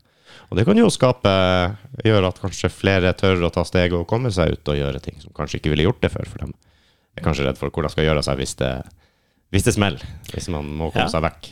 Jeg tror det er mange som har litt sånn uh, halvsosial angst og plutselig kan stå i litt krevende situasjoner når man er på en type festival som det. Så det er veldig fint å ha et sånt trygt space man kan dra og bare Igjen, sånn som du snakka om i stad, det å få landa litt, landa litt inni seg sjæl og finne roen. Det, det er kanskje noe av det som, er, som jeg har gjort som er viktigst for min egen helse. Det å bare veldig ofte stoppe opp og bare kjenne etter. Hva, ok, hva, hva er det jeg trenger nå? Okay, jeg står og spenner ryggen som bare rakkeren. Ok, slapp av litt. grann, Og bare, Eller hvor er jeg emosjonelt nå? Liksom, på en måte bare se, kjenne litt innover ofte. Uh, Ja. Og føle an tilstanden min. Og om den ikke er så veldig bra, så er det sånn ok, hvordan kan, hva kan jeg gjøre for å for å føle meg litt bedre. Og det er kanskje, hvis det er en krevende følelse du står i, så er det kanskje bare å sette seg ned og bare føle den igjennom. Og, Mm. eller om det er å reise seg opp gå en liten tur. Eh, vi er jo et veldig stillesittende samfunn, og man blir, man blir komprimert av å sitte. Så det å bare liksom ha en sånn Ok, nå er jeg, hva kan jeg gjøre for meg selv nå for å få det litt bedre? Ja, vi er litt um, Hva det heter Fanga i vår egen suksess. Menneskeheten, om du kan si det sånn. Det gjelder selvfølgelig ikke alle, men vi har faktisk tid og rom og anledning til å sitte og reflektere så inn i helvete mye. Hvis vi Ja, egentlig ikke, for jeg er ikke så sikker på det når jeg tenker meg om. Jeg har vel lest en gang i tid at vi tror at det å være steinaldermann, det var Vi skal ikke klage, i hvert fall. Ja, Tenk at de måtte gå igjennom. Vet du hva? De hadde det ganske chill i forhold til det jaget vi lever i nå, hvor du skal levere og levere og levere. og levere. Når de kom på denne tida, så var de ferdig sanka, og alt det de lå inne i hula og rulla og pulte og drakk og spiste og ja, whatever. Det som falt dem inn, dem, det er chill. Ja. Og nå kommer vi her i, i Norden, den mørkeste, kaldeste, kjipeste tida, og nå skal alt skje. Det er enda mer stress enn vanlig. Det er det der julestresset, du skal ut og handle, det skal være rent. Svigermor kommer, mutter'n kommer. Vi skal reise dit, vi må ta fly. Vi må og så sier du at mørketidsdepresjon kommer, og man blir Er det rart? Jeg tror ikke vi er bygd for det her. det er ikke rart. Jeg, jeg mener jo nå høres kanskje spesielt å si at vi, vi er natur, vi mennesker også, og naturen går i sykluser. Det er altså Vi kommer inn i en periode nå det er sånn Du skal hvile, liksom. Det er Nå går folk, nå går dyra, nå går vi i dvale for Ja. å chille. Og det er sånn, nei, Nå skal vi kjøre på det siste lille vi har før nyåret, liksom. Det, det er ikke rart vi går på, går på smeller, eh, hele gjengen. Det der har jeg tenkt på lenge. Mange år har jeg tenkt på det. At det er liksom nå du ser Som du sier, naturen rundt deg, den, den begynner å gå i dvale. Ja. Jobben skal i utgangspunktet Høstinga skal være utført nå. Ikke sant? Vi, vi er all sett for en lang og kald og mørk vinter.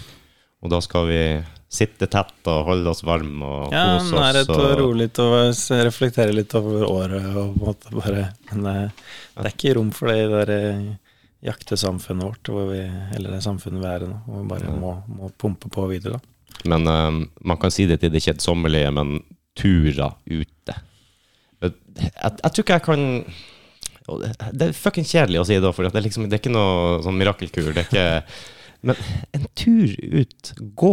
Nei, det er, det er så gull. Jeg vet ikke om det finnes en bedre medisin for i alle fall um, den der mentale biten, hvor du kanskje føler deg utslitt, og du føler deg utlada eller lei deg eller sint. Uansett hvilken, eh, hvilken sånn sinnsstemning du har, så endrer det seg når du går tur. Ja, det er jo en terapiform, det også. Det å bare, det å bare gå. Ja. Eh, Jeg får ikke det samme i tettbygd strøk. Nei, du har noe med at det er naturen rundt deg. Ja. Det, er noe, det er noe avslappende i det. Det er noe mindre sånn ja, dens. Det, det er lettere å Jeg tror også vi går alltid og Ofte så har vi fokus på et eller annet hele tiden. Når vi går i byen og så er det sånn vi, har, vi ser på et eller annet. Når man er Enten man sitter ved vannet eller er i skogen, så geiser man mer i stedet. Du ser ikke nødvendigvis bare Nei. på én ting, men den der geisinga, den kjenner jeg bare sånn ah, Du blir chill bare av den Det å ikke nifokusere på et eller annet. da Det, det- det tror jeg du har helt rett i. Det, det, bare den der eh, gazinga. At du bare ser ut i horisonten. Du ser kanskje ikke nødvendigvis på noe eller etter noe, men du, du er litt inne i dine egne tanker mens du Oi, der fløy det et eller annet, eller det var noe kult. Også. Uh, jeg merker det når jeg er ute og går i skogen, når jeg går med bikkja. Det er jo en av de største velsignelsene med å ha en hund, det er at du må gjøre jobben. Uh, og vi er flinke til det. Uh, jeg begynte en periode å gå med podkast eller musikk på øret jeg gikk ute, men jeg følte det litt problematisk, for jeg følte ikke at jeg var i situasjonen i det hele tatt. Nei. På en måte. Det ble en distraksjon for meg.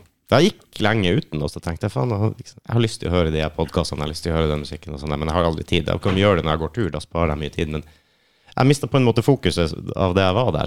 Jeg, gikk i min egen verden, og bare sånn, men jeg fikk ikke inntrykkene. Jeg så ikke hva som gjemte seg bak den furua der, eller eh, Det jeg gjør nå, er jo at jeg ser signalene på hunden min hele tida. Jeg fokuserer veldig mye på han. Eh, jeg vet om det er folk i nærheten, dyr i nærheten, om hva han jager etter, hva han ser etter. Ja, liksom, og ser det samspillet der. Og, og det gir meg masse. Jeg merker også det hvis vi går sammen. Å gå alene er veldig terapeutisk. Men å gå sammen med, med samboeren og ungen og bikkja og alt du har ikke de samme utfordringene, konfliktene eller eh, tankene som du har når du sitter hjemme i stua i en sånn helt vanlig setting. Nei. Hvor du kanskje kan bli litt kort, du kan uh, ha ikke tid til ditt, ha ikke tid til datten. Og hele mentaliteten, det du snakker om, endrer seg. Ja, det er fint det du sier, for det, det har jeg tenkt litt på, det der med de her mannesirklene som jeg snakka om. da Med at, eh, at det kanskje er litt for stor terskel for folk. Det er, å, faen, skal jeg sette meg i ring med noen I hvert fall noen jeg ikke kjenner. Det er liksom Det skjer ikke, på en måte. Men det, jeg tenkte det å heller samles noen og bare la oss gå en tur i skauen, og så går man to og to ved siden av hverandre. Du sitter ikke nødvendigvis sånn her som er så sjukt intens. Du får en sånn en annen dynamikk mens du går. Jeg tror det kan være en mye lavere terskel med å faktisk begynne å være litt, eh, litt åpen og sårbar om ting som kan være både krevende og bra. da Vi snakker ikke at du må gå topptur, ikke sant? Det er det liksom Nei, det. eh, Det er bare, om det bare er å gå, vil jo hjelpe, men helst noe natur, da. Mm. Det er ting jeg har tenkt jeg har hatt litt lyst til å arrangere, egentlig. Det å ha sånne Ja, det å møtes for å gå og prate, rett og slett. Det, er, eh, det tror jeg kan være veldig terapeutisk for, for veldig mange. Det, jeg tror ikke alle jeg tror ikke alle må til psykolog, på en måte, og sitte og grinde i harde, tunge barndom og sånne ting. Noen ganger er det bare kom deg ut, beveg deg, del det som er i deg akkurat nå. Jeg har egentlig ikke tenkt over det, men jeg tror, som du sa nå, kanskje praten går enklere, mer naturlig når du beveger deg. Vi er jo skapt for å bevege oss eh, egentlig kontinuerlig, nesten, over tid. Eh, vi er vel vært nomadisk, nesten alle sammen, på et eller annet tidspunkt, ikke sant, hvor man beveger seg sammen. Og jeg merker det at når jeg går side om side med noen sånn, om det er fremmedfolk eller ikke, den praten den går mye enklere. Det, du overanalyserer kanskje ikke alt, du tenker ikke så mye på hva du skal si. Det, det blir mer spontant, det blir mer ekte. Føler jeg, da. Og kanskje du er inne på noe der. Jeg tror den kan være en, det kan være en fin greie for å Ja. Og så er det jo det fysiske aspektet. Da, da er det jo litt frisk luft, du får, uh, får faktisk bevege deg litt, og det er jo ikke all verden som, som skal til heller. Nei, nei, jeg går helt sykt mye om dagen. Det er noe av det beste jeg vet. Da hører jeg mye på lydbok og sånne ting òg, men jeg også måtte litt innom det du sa. bare sånn Når man hører på noe her, så er det lett å bare bli her. Så jeg måtte jobbe litt med det å bare ok, være her, men fortsatt være til stede i det som skjer rundt. da Ja. Og det som har gjort det lettere for meg, er det å gå saktere. Men da blir det ikke så mye den. Jeg gjør det ikke for treninga, jeg gjør det for rett og slett tilstedeværelsen. Altså at jeg, jeg kjenner at jeg er prøver å være i føttene mine. Jeg kjenner at jeg liksom er i hvert eneste steg. Fordi ofte så er vi, vi, er, vi går tur fordi at vi skal bli bedre på et eller annet, eller vi skal bli sunnere, et eller annet. sånt. Så Vi skal gjøre det alltid for et eller annet, i stedet for bare gå for å gå. Bare gå for å bare være akkurat her, i stedet for å være i, i neste steg, neste steg hele tiden. ja, du skal jage det målet, om det Ja, det, ja. jeg tror det ofte kan bli litt sånn på gåtur også, da. Jeg syns i hvert fall det føles Det har vært den letteste måten for meg å implementere det, ja, type meditasjon, på en måte. Da. Bare gå sakte. Kjenn foten din rulle. Kjenn bare Ja. Det, Ja. det har vært en fin måte for meg å stilne, stilne tankene på. Det tror jeg kan være bra. Jeg trenger litt av det når jeg kjører. Altså når vi er på langturer og sånn. Jeg er veldig fokusert på å komme til målet. Kanskje i altfor stor grad. Eh, det er liksom, Hvis jeg kjører herfra til Brønnøysund, så det er en grunn til at vi kjører. Vi skal til Brønnøysund. Ja. Og så sier fruen men det ser fint ut. Kan ikke vi eh, Neste gang, sier jeg. Ikke sant? Hver gang. Og så er det ja, men, ja, men faen heller, skal vi bli enda en time seinere, liksom? Det er jo natt før vi kommer, og faen i helvete, nå må vi bare komme oss frem. Og så har jeg kjørt 100 ganger, jeg vet ikke hva som er mellom her og Brønnøysund, annet enn eh, skiltene langs E6-en. Og så er det masse fint. Det er mye fint. Vi går glipp av mye, og ikke Ja, jeg har alltid vært på vei til målet, på en måte. Det, Ja. det er en eller annen sånn klisjégreie der med at uh, hva er det målet er reisen? Ja, Og Det er jo, det er, det er jo sannhet. Det, det, vi, jeg merker det til og med når man spiser, bare. Altså, når du spiser noe digg, så det, du, du gleder deg til neste bit, på en måte. I stedet for å bare nyte det med faen, du har noe digg i kjeften. Ja, faktisk. Ikke gå på neste allerede med en gang. Ja, ja, ja. Det er noe så sant i det der. Og jeg tror kanskje, som du sier, man må være litt mer fokusert på selve reisen også. Og det blir jo litt sånn som man tenker tilbake til ting, hva som har skjedd deg i livet som du setter pris på, som er gøy, og som du husker, og som du prater om. Og det er jo ofte ting som ikke har gått etter plan. Eller du kom aldri dit du hadde tenkt til å komme. Mm. Det er jo noe av det jeg husker mest og har vært mest fantastisk artig, som i akkurat da ikke var artig. Eller bare var slitsomt og skapte trøbbel, og ting gikk ikke som planlagt, men det er jo det du husker. Det er jo det, det er den historien du forteller. Det er jo ikke den gangen jeg kjørte til Brønnøysund tilbake og ingenting skjedde. Nei. Som ligna på alle de andre gangene. Du Ja. gjorde. Men den ene gangen hvor alt skjedde, og det var helvete, og vi var, alle var slitne og lei, og, og det var, men det skjedde så mye at det ikke var mulig, og så sitter man bare et år etterpå ikke sant? og herregud, husker du, fy faen hvor bra, det var en bra tur. Og, ja, så sitter man, og alle sammen som var involvert, har en positiv eh, Tenker på det positivt nå, da. Ja. Selv om det var et helvete da. Og det må man ikke glemme, at, eh, at de, alle de negative tingene, dem, dem kan du snu litt rundt. eh, bare få det litt på avstand og få reflektert litt over det. Mm. så er det faktisk eh, det er en styrke. Du har vært igjennom noe som ikke gikk som plan, og du, du løste det. Du måtte være kreativ og spontan og fleksibel. Og, Mm. Det er da man får, får sett hva man har Ja, det er da man lærer. Ja, og så tror jeg det er viktig, og, som du også var inne på tidligere, å prøve å gjøre ting du kanskje ikke er komfortabel med. Om det er spontant eller ikke, men i hvert fall gjøre nye ting. Gjøre ting. Sånn som den der sirkelen. ikke sant? Du sa allerede at du begynner å tenke på hva du skal si. Og det blir jo nesten feil, det også. ikke sant? Man burde jo ikke planlegge det for mye. Eh, kanskje man skal prøve å bare gå inn med et åpent sinn og ikke tenke på hva du skal si, og se hva som kommer, når du får en anledning. Og, og det er jo en ny ting. Eh, for meg, i hvert fall. Jeg har aldri vært med på noe sånt. Jeg tenker med skrekk og gru hvis jeg skulle gjort det.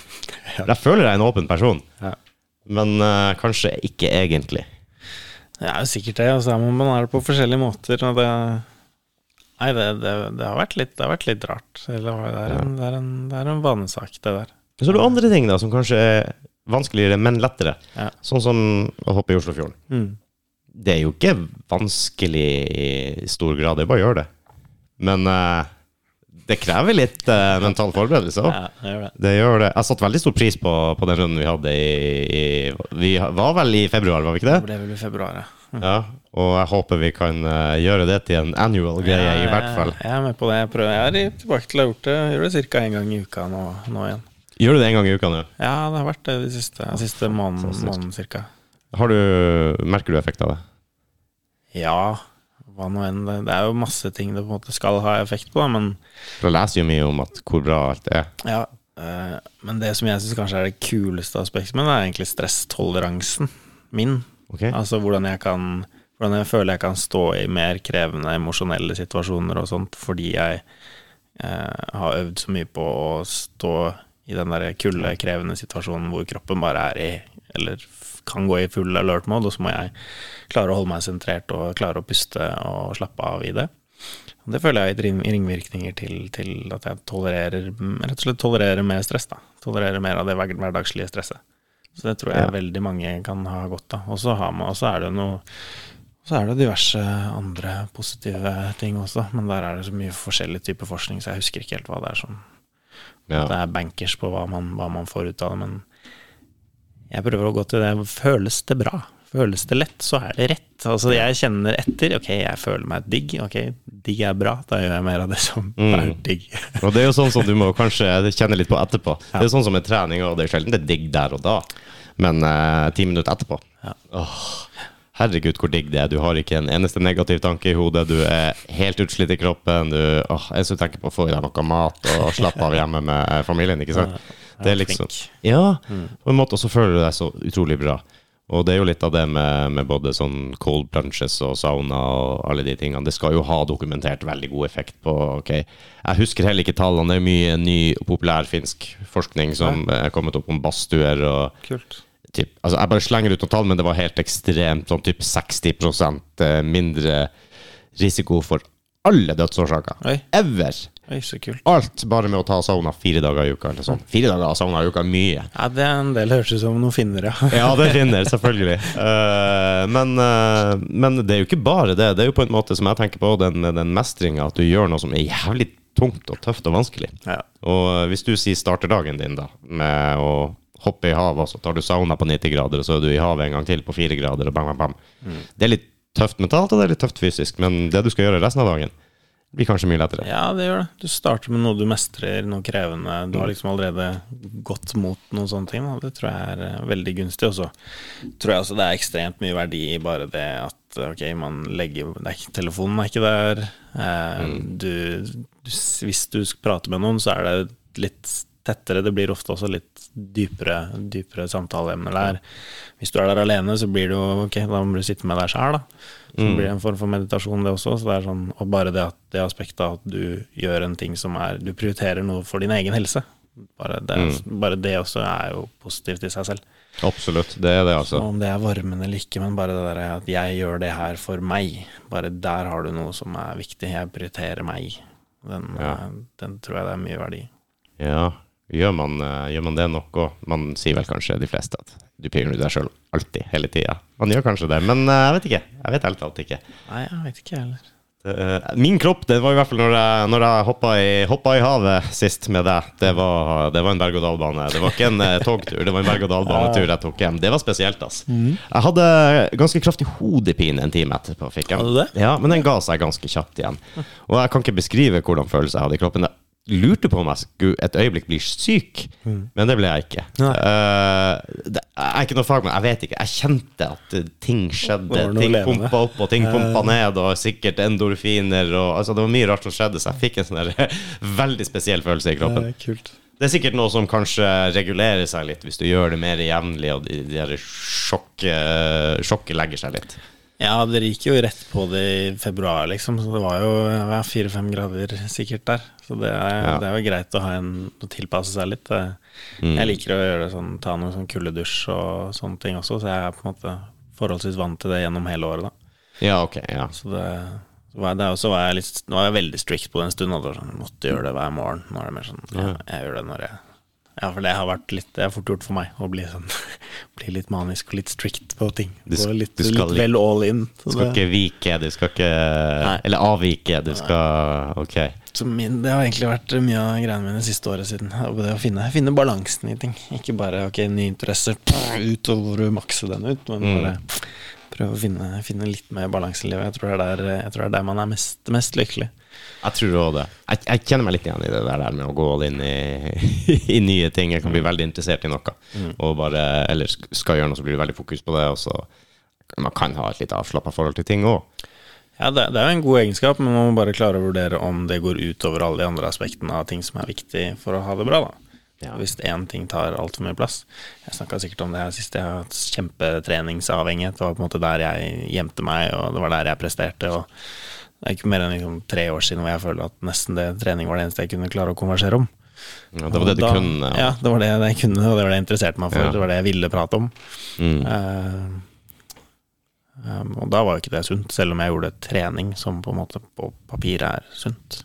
Ja, Mener du i form av overtrening? Eller? Ja, overtrening, at det ble en form for mani. At det var noe jeg jeg gjorde for å være bra nok. Det ble nok kanskje også en litt sånn escape fra litt tidvis krevende følelser og sånne ting også. At jeg ikke, ikke hadde lært å sitte med de tingene, heller bare ok, da stikker jeg på trening, og så når jeg ikke er på trening, så tenker jeg på trening og analyserer det. Og så, Mm. så ble det bare en sånn coping-mekanisme for å heller kanskje dytte bort Ja, for, ok, ja, det henger litt sammen med det jeg sa i sted også, at når du trener, så tenker du jo sjelden på de negative tingene. Du, du er litt uh, fokusert på det du gjør, opptatt, eller du bare drifter og gjør det den jobben du skal gjøre, men det kommer sjelden mye sånn der uh, Altså det som plager deg i hverdagen da, eller uh, dypere ting, det kommer ikke opp.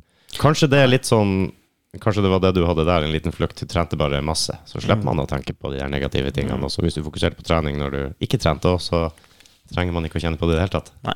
Du er veldig trygg og komfortabel i den, i den eh, boksen med trening og Ja. Men så ble det igjen altfor mye. Da gikk det utover andre ting. Da gikk det utover eh, nære relasjoner, andre ting som er viktig. Og så, Ja. så var det ikke et eh, sunt liv jeg levde, men jeg vil jo ikke være foruten det. Det ga meg masse fine erfaringer og sånt. Så det, jeg tror nesten alle er der. Alle må gjennom å nikke huet i veggen et par ganger og gå litt for langt. Vi lærer jo mye av det, men Mm. Ja. Vi vil veldig mye på veldig kort tid. Det var jo sånn sånn løpinga mi. Jeg, jeg snakka sikkert om det også. Jeg, jeg ble Nå skal jeg røre meg. Nå skal jeg begynne å bevege meg. Det var vel omtrent det også. Ikke så langt unna da jeg begynte med den podden her, og covid slo inn, og litt sånn at jeg liksom tok opp igjen det litt. Jeg har vært i god form hele livet, sånn rimelig god form i hvert fall, men da tenkte jeg ok, nå skal, nå skal jeg begynne å trene. Så begynte jeg med løping, jogging, og viser seg jo det, kondisen kommer mye kjappere enn musklene. Så eh, jeg tok jo mila på no time, ikke sant. Den kom jo bare fire-fem dagers løpeturer der, så nå prøver jeg meg på mila. Og det klarte jeg. Dæven, hvor flink jeg da klarte det. Da klarer jeg en mil i morgen òg. Dæven, hvor god. Så holdt jeg på sånn en uke til, og så sa, sa knærne mine og hoftene mine og ryggen min og sa nei. Og da var det du som sa det. Var det det, eller eh, det var noen forstå seg på det, i hvert fall som sa litt. Da må du huske det at eh, den kondisen den kan komme rimelig kjapt, den altså. Ja, det, det kommer fort. Men muskulaturen tar ofte litt lengre tid. Og, ja, muskler vokser sent, men i en startfase når man begynner med styrketrening, så får du rask progresjon pga. mer sånn nevrologiske faktorer. Altså at du, får teknisk, du blir teknisk fort mye bedre. Da. Så du kan få en veldig rask økning i f.eks. knebøy. At du kan øke veldig mange prosent i styrke, men Ja. rent muskelvekst, den, den går ikke så Nei, Den riktig. går ganske tregt oppover. Riktig. Men jeg kjenner meg igjen i det du sa med løpingen. sant? Jeg, altså, når, jeg, når jeg skulle på en måte avvenne meg litt fra den der styrkeavhengigheten, så reduserte jeg, og så begynte jeg med løping. Mm. Og så løp jeg, holdt jeg på et halvt års tid, og så var det en kompis som bare Du løper mye nå, Jørgen. Bare, Hva er det du snakker om? Seks dager i uka og sammen med styrke? Oi. Det var sånn der, «Å ja, så jeg hadde bare dytta over den avhengigheten til en annen ting. Ja, okay, Ja. greit. Ja, jeg ser det. Jeg vil ikke anerkjenne det helt, men jeg ser at jeg hadde gjort det. Altså. Det der er fort gjort, da. Så tenker jeg, «Dæven, hvor flink jeg er. Nå trener ikke jeg så mye. ikke sant? Jeg står ikke der og løfter hele dagen. Jeg har jo fått eh, Jeg er blitt flink, jeg. Løper du seks dager Så bare flytta fokuset over. Eller gjør det på en annen måte, da. Ja. Ja. Jeg merka det med trening, at jeg er nødt til å ta vekk strukturen. Ja. Jeg må ha vekk strukturen. Hvis jeg har en, prøver å sette en, en sånn veldig plan på det, så går det ikke. Det er vanskelig med familieliv og alt det der, så det, det er ting jeg kjenner jeg brenner litt for nå. Det å prøve å Prøve å gjøre hverdagslig trening litt lavere terskel og litt enklere og sånt. Det, Ja. Så jeg har trent Jeg trener veldig mye hjemme nå. Jeg trener, har ikke trent noe særlig på senter på, på lenge. Så det å bare det å klare å lure inn litt mellom man mens man lager mat, det, det, altså det å få inn aktivitet her og der på en sånn Altså, jeg tror det er viktig det er å sette av tid også en gang imellom, det å ha de Ja. litt lengre, men så sykt lite det er som skal til for å få mesteparten av effekten. da. Det å putte inn, putte inn liksom Mm. Ta et sett eller to hver dag, på en måte. Det, det, Ja. det adder opp noe vanvittig i løpet av et år, i stedet for fire dager i uka i tre måneder, og så går man på en smell. Vet du hva, det er akkurat det. Akkurat det. De der eh, målene du må rekke som du ikke rekker, og så, da blir det ikke gjort. Så ok, da er det neste målet neste uke, da. Skal jeg prøve den? Så dukker det opp noe. Og så skjer ikke det. Og så det jeg oppdaga at det ble mindre trening for meg jo mer trening jeg prøvde liksom sette fast i timeplanen min. Det, for ting dukka opp, og så kom tirsdagen også, men det er ikke treningsdag. Nei. Jeg tar det i morgen, da. Onsdag har jeg satt opp. Og så skjedde det noe på onsdag, så jeg fikk ikke trent på onsdag. Men uh, istedenfor bare å ta muligheten. Jeg vet jeg skal trene i dag, men om jeg gjør det før jeg drar på jobb, det skjer aldri. Det skal jeg si deg. Eh, Det er, et, det er et mål og et ønske jeg har, men jeg faen står opp halv seks fra før av. Det, det er tungt å skal ta det enda tidligere. Ja, den er vanskelig, men det er også sånn, hva, hva kan man lure inn i en morgenrutine? Altså Om det er å reise seg opp og kjøre, om det bare pumpe ut noen pushups da, eller kjøre noen pullups i trappa. Det er sånn, ok, nå har jeg faktisk gjort det annenhver dag, og det er. Helt riktig. Jeg begynte med én enkelt ting som jeg begynte med nå, og jeg prøver å ta ti pushups bare før jeg går inn i dusjen. Ja, okay. Bare for å få si Jeg er stuptrøtt. Ikke sant? Jeg jeg sitter og peiser om morgenen jeg er så trøtt. uh, det er det første jeg gjør, bare dumpe ned. Eneste gangen jeg sitter og peiser. Men det, ja, det hender jeg må opp klokka tre om natta, og da er jeg tar tar ikke sjansen på å stå der og svaie rundt. Men uh, liksom bare OK, rett ned. Før jeg tannpuss, før dusj, før alt. Jeg tar det i tid. Og så noen sånne enkle ting som at jeg har kutta ut den morgensiggen. Den får ikke jeg lov å ta før jeg har tatt første kaffekoppen. Bra. Ja, så da har jeg drøyd den nesten en hel time, sånn at jeg kommer inn hit. Får meg, jeg springer jo til den kaffemaskinen, men noe sånn. Jeg prøver å styre unna det. Og så er det det, da. La oss si jeg setter meg mål, jeg skal bare gjøre noe så enkelt som å ta 20 pushups, 20 pullups, 50 situps, eller kanskje bare en av de tingene. Så gjør jeg det. Så fort jeg har en halvtime ledig nå, kan jeg gjøre det. Det er mye lettere for meg å gjøre det på den måten og bare vite det som du sier. Ok, ta 10 om dagen, da. Ta 20 om dagen, eller 5 om dagen, eller 1 om dagen. Du får faktisk gjort noe, og du får en mye mer eh, Du får den der um, tilfredsstillheten, da. Du har faktisk gjort noe den dagen, istedenfor at du skal trene to timer på tirsdag, du skal trene to timer på torsdag. Nei, det funker ikke for meg, altså. Nei, jeg tror ikke det gjør det for så mange, i hvert fall når man begynner å få et familieliv, og det er masse andre ting som, som skjer, og andre Ja. ting man rett og slett prioriterer høyere. Det er ikke så høy verdi, så da, da, da er det vanskelig. Og så er Så blir det plutselig skam igjen, da, siden man ikke gjennomførte, og så får man dårlig samvittighet, og så er det den der skjerp deg kjøre igjen, og så, så blir det en sånn Ja. negativ loop hvor at du egentlig bare ja, nesten bare straffer deg sjøl. Jeg føler litt på den av og til òg, da. Når det blir veldig hektisk, også sånn jeg ikke har eh, satt av Eller gjort noe hver dag, da. Og kanskje det går tre dager, jeg har faktisk knapt gjort noe.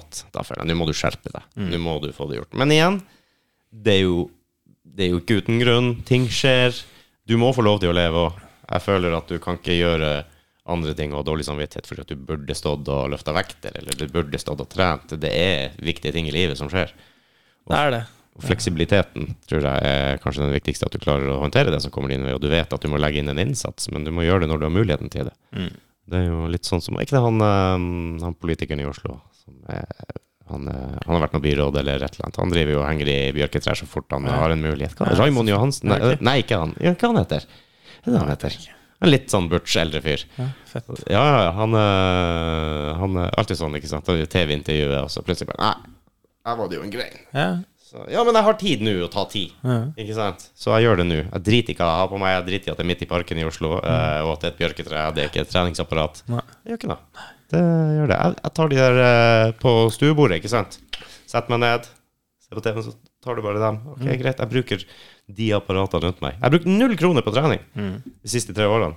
Jeg tok en runde på Finn uh, i januar, altså for noen år siden. For jeg vet det, eller var februar, jeg vet det at det ligger mye eh, nye sånne nyttårsforsetter eh, som gikk i dass. Så det er jo basically bare å hente det du trenger av folk. Venner og sånn. ikke sant? Jeg fikk en yogamatte der, jeg fikk manualer der, jeg fikk en sånn litt eldre benk eh, hos kameraten der. Jeg var, kjørte rundt, henta, rigga meg inn i garasjen og i stua og på loftet, og der er jeg plass.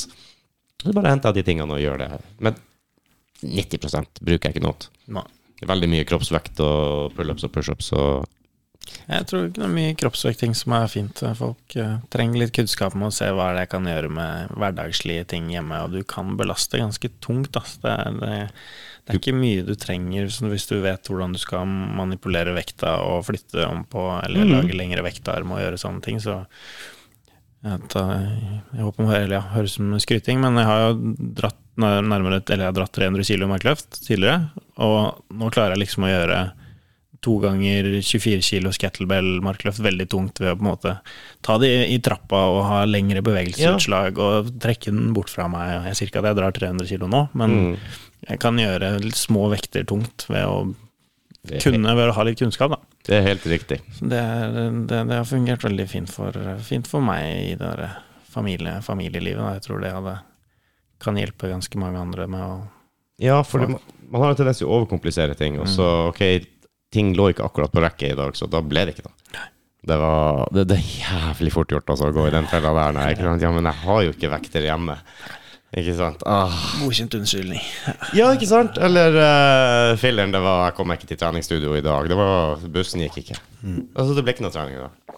Nei, hva skal jeg gjøre? jeg tror uh, man lurer seg sjøl. Ja, det gjør man nok. Det, er, eh, det, det er jeg opptatt av, i hvert fall. Det er et budskap jeg har lyst til å få ut til folk fra min egen erfaring. Det er ikke gjør det komplisert i det hele tatt. Ikke gjør det komplisert. Bevegelse er nesten bevegelse uansett. Hva er det enkleste du kan gjøre? Det er det som er fint med det du sa med ok, ti pushups. Mm. Ti pushups er standarden, liksom. Men ofte så er det sånn når man er i gang, så er det sånn Nei, men faen, jeg kan jo, jeg kan jo ta noen til. Mm. Da har du knekt den der terskelen, i hvert fall. Da. Det er terskelen som ofte er verst for Mm. de fleste. Og så kommer man til et punkt hvor man syns trening er såpass gøy at man gjør det til en praksis. Og da, da krever, det jo litt mer kontinuitet og kanskje litt mer struktur. Men for mannen i gata som bare ønsker å Mm. kunne gjøre de tingene man syns er gøy, og er å gå tur i fjellet og leke med kidsa og sånn, så det, da trenger man ikke gjøre det så vanskelig. Altså. Det er kanskje den beste og mest egna treninga mennesker kan få. Det er vel å gå med sekk på ryggen. Ja, den er, den er bra, bra helhetlig. Du får, får, mye, får mye, mye effekt her. da. Vi er på en måte bygd for det. Liksom Ja, At vi skal ha- ting i riktig plassert her oppe og bevege oss over avstander, det, det er noe som passer oss veldig bra. Jeg leste en greie om det, er på ingen måte ekspert, det er egentlig Ja. du som er. Men, eh, men bare det, også bare ha på seg en sekk og tusle, det er fantastisk god trening for alle områder. Er sykt mye som funker. Er- Ta sekken på og gå til butikken, ja. ikke sant? Men sånn, altså, ting som er bæring, er generelt bra for oss. Det, det, ja. Om det er å bytte på om du har vekt eller noe greier foran, eller eh, Har du unger, så er ikke det noe problem. Nei, da får du får øvd på det, øvd på det der også. Men der er noen som virkelig går all in og går rundt og bærer på en 20 kilos gråstein. Ja. Der jeg har lest om det og hørt Ja podkaster og litt sånn at eh, Nei, jeg har den her med meg overalt. jeg. ja. Nei, det er masse, masse ting man kan gjøre. Det er eh, prøvekjørt litt, eh, men å gå med poser og bare Ok, jeg går og kjører noe side her, da. Jeg er han Ja. weird tullingen som går og gjør det. Det er ikke greit, jeg får være det, da. Ja. For jeg utfordra litt den der, noe jeg syntes var litt ubehagelig, pluss at jeg fikk gjort to sett, da. Det, Mm. Det der må jeg jobbe mer med, det å gi litt faen i hva folk tenker når de ser meg, hvis man finner på noe sprell. ja. Jeg kan uh, være ganske spontan og gi litt faen, men ikke nok, tror jeg. Jeg syns innerst inne så er det litt sånn ah, Ikke lag så mye oppstyr. Liker kanskje å være en i mengden, ikke, ikke tiltrekke meg for mye oppmerksomhet. Men så har du kanskje lyst til å gjøre noe, da. Så tør du ikke. Nei, det, jeg tror det er veldig vanlig. Jeg tror de fleste har noen sånne rare greier innimellom. Er, så, så jeg vil slå et slag for det at vi gjør Får du en litt sånn rar impuls som ikke skader noen andre sånn spesielt mye, i hvert fall, så gå og gjør den. Der hadde jeg en sånn weird greie en periode. Jeg gikk i butikken, så, og det gikk noen kids forbi, så fikk jeg en sånn, fikk jeg, en sånn trang til å dytte etter dem. Jeg har aldri gjort det, men, eh, men jeg vet ikke helt hvor den kom fra. Jeg liker å tro at jeg liksom så at de var litt lekne, at det kanskje, men Og litt sånn der, litt Ja, sånn, liten, sånn liten, der, liten sånn Nei, jeg var ikke sånn fuck you, ditt, ditt smell, Nei, det i bakken. Smelle dem inn i isdisken. Det er nok barn i meg som bare har lyst til å kødde litt. Da. Ja. ja vi, er for, vi er for lite barn av og til, tror jeg. Ja, jeg tror det. Og man ser jo det rent på den sånn, hvor fort man raskt man lærer også. Hvis vi, hvis vi lærer gjennom lek, så, så trenger det veldig få repetisjoner for å adaptere og tilpasse seg. Tilpasse seg da. Mens når vi pugger, sånn som vi på en måte egentlig har lært, eller det har blitt normen gjennom skolen, så tar det sykt lang tid. Ja. Det er så, ting sitter mye bedre når man har en emosjonell greie tilknytta til det man lærer.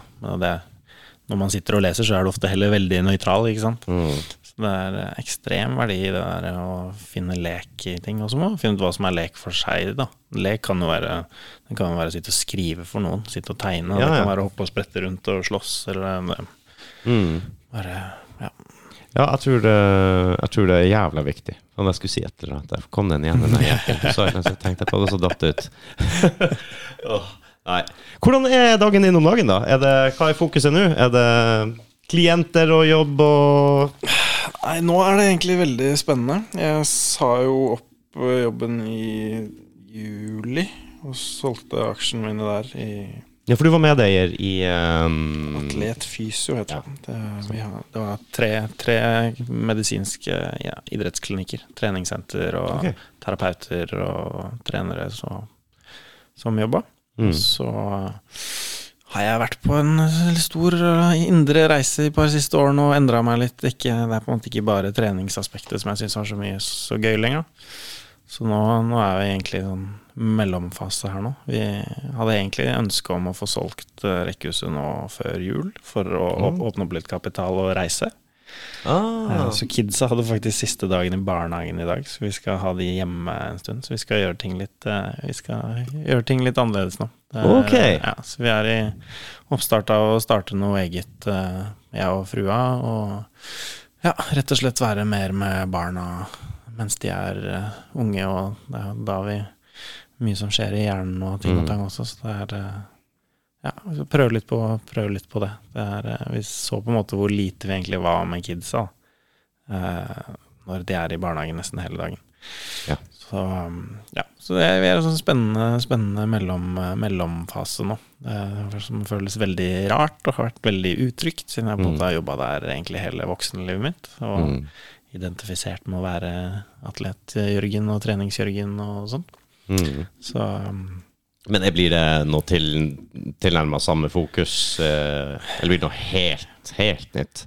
Nei, det blir nok ikke noe helt nytt. Det er, eh, med, det er helse, helseretta. For det er fortsatt ditt, din interesse og ditt fokus og sånn fysisk helse, og litt mer mental helse de siste årene. Det har jeg jo Ja. sett at du har mye fokus på, som jeg syns er bra, da. Nei, det er definitivt mer helhetlig helse. Det fysiske blir en del av det, og jeg syns det er gøy å ja, stille spørsmål til folk om hva er det du syns er gøy å gjøre her i livet. Hvilke fysiske ting er det du trenger, og så kan man sette opp et program som gjør Som på en måte gagner ditt liv og de tingene du har som høy verdi. Ikke bare at gjør den og den øvelsen fordi det er mest effektivt, men finne ting som kan berike mm. livet ditt utenfor, da. Men så er det, det er mer eh, Det er veldig mye mer helhetlig. Jeg har lyst til å jobbe mer med familier samla. Komme litt tilbake til det her med hvordan vi kan være sammen flere generasjoner. Um, jeg syns liksom at det er sånn Enten så er barna på noe sin greie, eller så er voksne på sin greie. Så vi har lyst til å ha et sted hvor man kan, man kan samles og være aktiv sammen og danse og spise noe godt sammen og være kreative sammen, alle generasjoner. Da. Eh, Mm. Jeg tror vi har dytta litt bort den der unike visdommen i de eldre også. Altså, Ja. De er liksom bare Vi gjemmer dem borti, borte på gamlehjem, og så ja, har de levd i 80 år. Da. De har, nå har noe, selv om det er andre tider nå, så er det noe De har noen gode greier, på en måte. Så, Og der også er det jo det med å ha barn og eldre sammen, det, det er helt unikt. Da blir de, de eldre de tør å leke mer, og de har noe de kan vise til barna. Jeg så, det var en eller annen sånn YouTube-video med det her hvor det ble gjort noe, gjort noe forskning på det, hvor du satte, satte et gamlehjem sammen med en barnehage. Og det også, altså at du kjørte de to samla. Og Liksom, eh, det er veldig spesielt, da. ja, men det økte, økte, økte um, lykken og um, reduserte antall med depresjon og bo, eller mobiliteten til disse eldre. Det var, sånn, det var ekstremt stor forskjell. Så det Så- å Men det er vel på en måte Man er jo meint vel å, å være med Si flokken, da, eller uh, fruen er hundeinstruktør, så flokke liksom eh, det, det passer til meg. Det, Ja. Da skjønner jeg hva du mener. Det, vi, ja, vi, vi også bruker flokk. Gjør du det? Ja, men det er en fin, uh, et fint begrep, syns jeg. For det, du er jo en flokk. Vi er jo ikke en landsby lenger, på en måte. Eller vi, på den måten. Og det er jo Det har alltid vært sånn da jeg var ung også. Vi hadde jo veldig, veldig mange, mange generasjoner til alle feiringer. Vi hadde de yngste opp til foreldre og besteforeldre og oldeforeldre. Min oldemor var over 90 år, ikke sant. Ja. Og det er klart å ha en som sitter der litt roligere inni i krokene, og så kommer med litt visdom her og litt visdom der, og litt sånne ting. Du, du kan jo miste litt av det hvis du på en måte separerer det. Det skal jo være en miks. Man skal jo ha en interaksjon. Så det er det der med separasjon. Vi har så sinnssykt separasjon i samfunnet her. Det er eh, Ja, og, det, og det her med flokken din som du snakka om, det med community altså Man har sett, Det kom noen studier på det her nå, at community er nummer én årsak for økt lykke. Altså, har du community, så er det, det, er det, det er den viktigste grunnen for, for å være lykke, eller ha det, ha det bra med deg selv. Mm. Og igjen, det er å ha noen å spare med, ha noen å være nærhet med, ha noen du kan være helt åpen og ærlig med. mm. Uh, og det har vi ikke lenger her. Så det er en ting jeg har lyst til å ja, finne en eller annen måte med hvordan vi kan bygge litt mer community i byene. på en måte. Da. Finne samholdspunkter hvor man kan uh, være den rare lekeapekatten, og man kan Ja. eh, Mm. det er, det er eh, prosessen nå, å få aktivisert det der. Da. Ja, siste dagen i dag med i barnehage, da er vi nødt til å begynne å arrangere litt sånne ting, fordi at kids er nødt til å sosialisere litt også. Så da Ja, blir vi en- tvunget litt til å gå fra, gå fra idé til eh, ansvar. Ja, og det gjør man jo da. Det er jo liksom eh, Du har ikke så mye valg eh, annet enn i hvert fall å gjøre noe. Nei. Så som du sier, tar, det er ganske sånn drastisk grep å gjøre det. Ja, det er ikke Vi har, vi har møtt på litt motstand her fra ja. Er det folk det som som sier stiller weirdos, liksom, som skal ha hjemmeskole, og det blir dem, ja?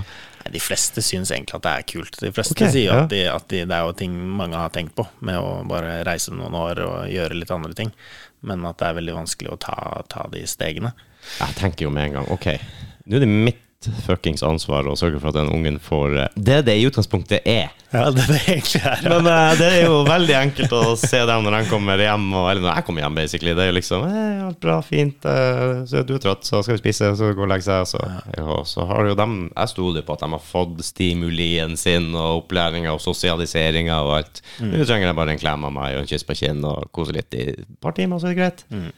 Hvis jeg tar dem ut av den, så er det jo et utrolig stort ansvar liksom, for å at du skal vite hvem ungen din er, og hva de trenger. Og, og, ja, det, var, det sa jo han Leif eh, Munkelin fra Metal Heads Against Bullying òg, det at man husker på det at ungene er jo på jobb lenger enn deg, stort sett. Og I hvert fall hvis de har f.eks. SFO og sånn. Så leverer du dem før du kjører til jobb på skolen, og så henter du dem etter at du er ferdig på jobb. ikke sant? De har kanskje fra, fra sju til fem, dem, mens du jobber fra åtte til fire. Det er ganske intenst. Og så eh, har du bare sure, gretne unger hjemme. Det er jo tenk sjøl da når du har lange dager. Og, det, og dem, de små kroppene der, dem, eh, dem kjenner det sikkert ekstra godt. Ja, det er det, det, er det vi har merka, vi også. Det er, sånn, fort gjort å man, man er sammen med kidsa når man eh, stresser på morgenen for å rekke et eller annet, og så og så er man med de når, de er, når man er slitne alle sammen etter. Ja. Og, og så er det en, litt sånn som jeg snakka om med, med eldre, hvor mye visdom det er i de, så er det også noe sinnssyk visdom i barna også, fordi barna våre, de, de, de gjør jo ikke det vi sier til dem. De speiler jo atferden vår. Så når man ser noe skitt i dem, så vet man egentlig at man det er jo bare å snu om linsa og bare ok, ja, kommer det, kommer det der også? Faen, hvorfor, hvorfor driver han og spiser godteri hele tida? Skal gjemme seg i det her maten. maten og, sånn. Ok, du spiser brownies hver kveld, Jørgen. Ok, greit. Ok, den kommer herfra, ja. Ja. Og det, jeg tror man har glemt litt den altså da, da får man ikke den speilinga heller. Da. Så jeg tror, jeg tror det er litt av det den foreldre ja, vi, vi skal lære noe av barna også, da, selv om vi skal lære dem andre ting også. Det speilinger der, det er Åh. Han, sønnen min reagerer på måter som jeg ville reagert på, ikke sant? Og så sier jeg 'hvorfor blir du så sint'? Å ja. Har du fanga det opp noen steder, tror jeg? Ikke sant? Faen! Eller ah! Og så, sånn der, og så får jeg han til så bare ah! Hva, ikke, jeg vil ikke høre sånne lyder. Nei, spør om hjelp heller. Jeg spør faen ikke om hjelp når jeg står der og sverter og bannes og ikke får til å kjefte rundt meg. Nei. Et eller annet. Det, jeg spør ikke om hjelp. Nei, Men det ø, er vanskelig.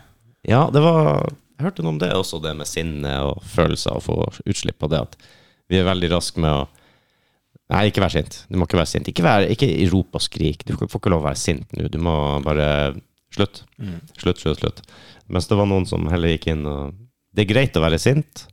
Det er greit å reagere eller avreagere eller gjøre det, men der er måter det ikke er greit på òg. Men det er alltid greit å være sint. Mm. Og Da må du heller kanskje lære dem og hjelpe dem å å avreagere. Reagere på det på en sunn måte som ikke skader andre eller deg sjøl. Men uh, du har lov å være sint, absolutt. For hvis du tar fra deg den muligheten til å være sint og sier hysj, det er ikke noe Hysj, ikke, ikke sitt her og kjefte og smelle og bla, bla, bla, bla. Men ok, hva er det? Kan vi gå ut og kaste snøballer på garasjeveggen og være sint? Så kanskje det er en fin Da kan du være sint.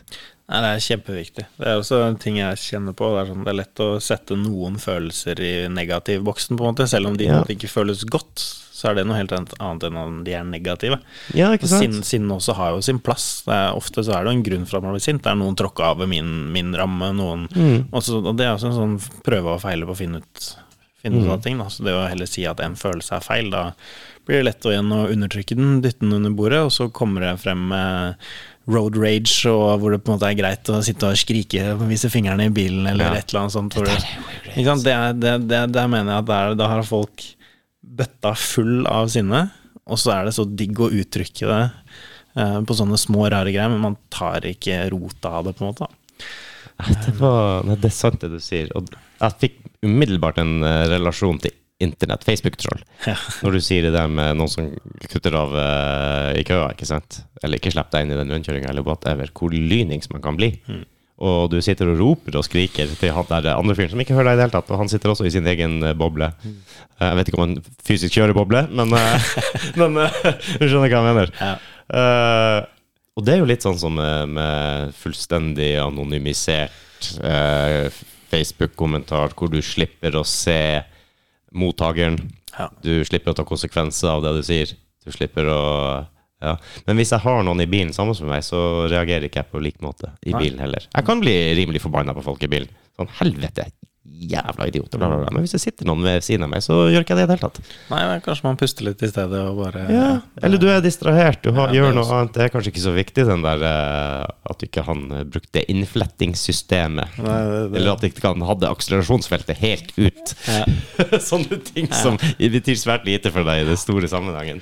Nei, det, er også, nei, det der er spennende. Det er også, tror jeg, sånn, jo oftere man klarer å på en måte observere situasjonen, puste i den, roe ned nervesystemet sitt Etter hvert så kommer man, når man har gjort det nok ganger, så plutselig står man i en, den situasjonen hvor en eller annen er en kødd på, på veien, og så bare ah, Shit. Jeg, jeg reagerte ikke som jeg pleier, jo. Det er sånn, det er kul selvutvikling, syns jeg, da. Når jeg på en måte ikke Det var det jeg prøvde å få frem i stad, at jeg kjenner at de tingene som har vært trigger, det er, de er ikke nødvendigvis trigger lenger. Det må jo være veldig deilig, da. Og, Ja, det syns jeg er gøy. ja. Jeg vet også at hvis jeg reagerer veldig spontant i negativ eh, forstand, så har det store konsekvenser for meg sjøl i form av at jeg, jeg straffer meg sjøl. Ja, jeg tenker for mye på det. Eh, jeg tenker enda på Det må være tolv år siden jeg ga en fyr fingeren. Ja. I en eller annen oppheta greie i trafikken, ikke sant. Mm. Den dag i dag så tenkte jeg fy faen, altså. Det var så jævla ufint. ja, den der skammen, den er tricky. Det, Ja. det, Jeg er ikke bedre enn at jeg ikke klarer å la være, liksom. Nei. Eh, men kanskje man blir bedre da. Men i hvert fall å være obs på det kan jo være en god start.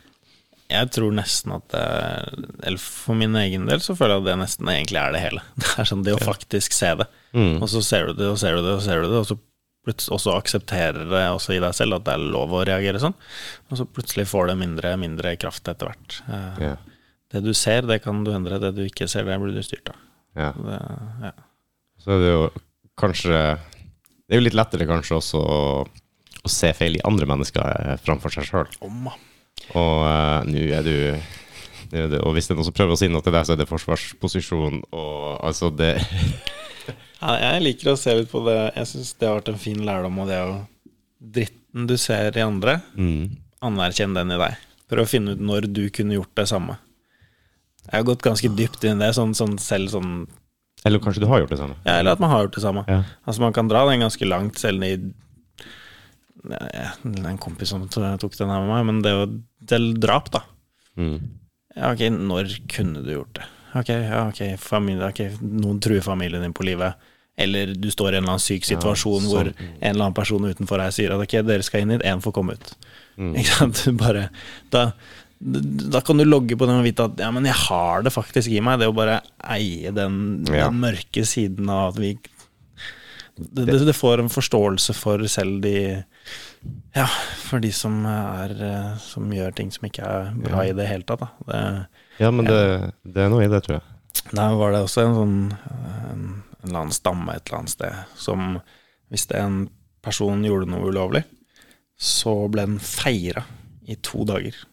Det ble fokusert på hva de gjør, hva de gjør bra til vanlig. Ja. Og det bare det, oh, ja. det, det utligner det på en måte I stedet for at de havner i skam og blir separert fra samfunnet, eh, så blir de bare sett for det de, det de, det de gjør bra, og måte ikke, ikke grinde så veldig i den tingen de gjorde gærent, egentlig. Og så, og så blir det ikke nødvendigvis det der utskuddet lenger. Da.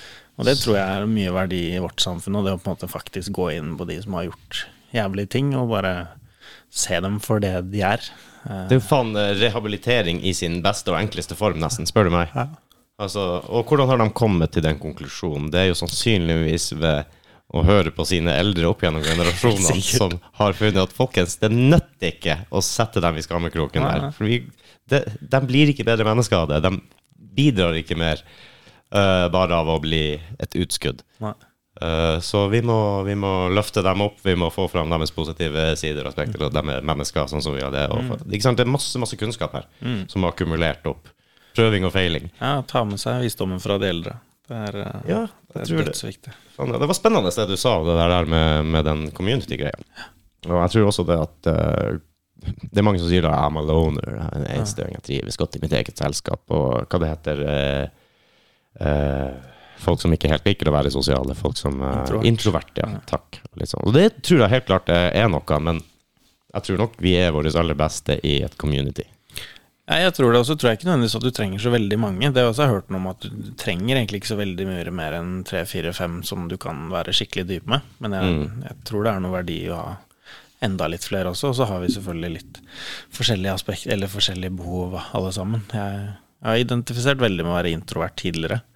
Ja, men jeg syns det er så mange som gjør det. Det er det som overrasker meg litt. Hvordan kan hele verden verden altså, Vi er så sosiale dyr, og så er alle introverte. Det høres litt rart ut, men er det bare det at vi alle har eh, behov i Alle har behov. Og alle har de fleste behovene, bare kanskje fordelt litt forskjellig, men alle har behov for å være introvert innimellom. Og, Ja, det tror jeg. Altså, det, igjen, det også blir å sette noen Sette et personlighetsgreie i en boks igjen. Ikke sant? Ja. Jeg tror alle er det i forskjellige situasjoner.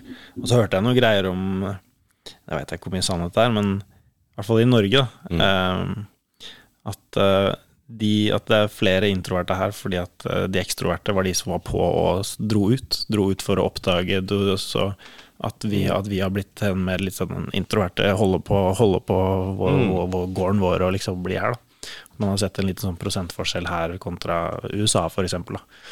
Det, liksom, det, det kan, kan være en faktor, men jeg tror også at alle er det i forskjellige situasjoner. Og her så er vi kanskje ja, overstimulerte alle sammen fra før av, så alle har egentlig veldig behov for å bare chill the fuck down innimellom. Ja, ja, ikke sant, fordi at du kommer hjem fra jobb og du vil helst sitte hjemme og se på TV utover kvelden og orker ikke å styre med kafé og kino. Og, jeg er litt introvert. da. Kanskje du ikke er det. Kanskje du rett og slett har fått en stimulien du skal velge så det du trenger å være introvert. Trenger bare, trenger bare å ville litt. Og så kan man jo gå over til andre siden igjen om Er det rett og slett bare fordi at man ikke helt har de samtalepartnerne hvor det kan være, hvor det kan være helt åpen igjen?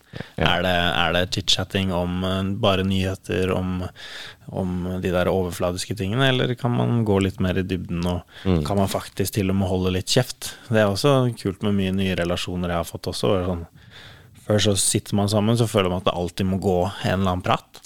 Men nå Ja. har jeg fått en del nye venner hvor det er sånn Hvor stillhet egentlig blir satt veldig pris på. Det er sånn, ok, nå Nå fada den samtaleemnet ut, og folk, folk klarer å holde roen i seg sjøl. Og da plutselig det går, det går noen minutter uten at det er noe, noe å prate om. Og det, det syns jeg er veldig digg. Jeg tror folk trenger å ha finne litt den roen i seg selv. Men vi tror at det alltid må Det må underholde, Ja. eller et eller annet sånt. Da. Det blir veldig fort det man kaller for pinlig stillhet. Ja.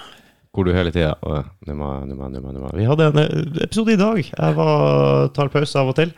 Uh, og det er en til som pleier å være med. Og uh, vi gikk ut, og jeg bare Faen, du står vi faktisk her og prater om været. Ja. Ja, det var første, første pausen i dag.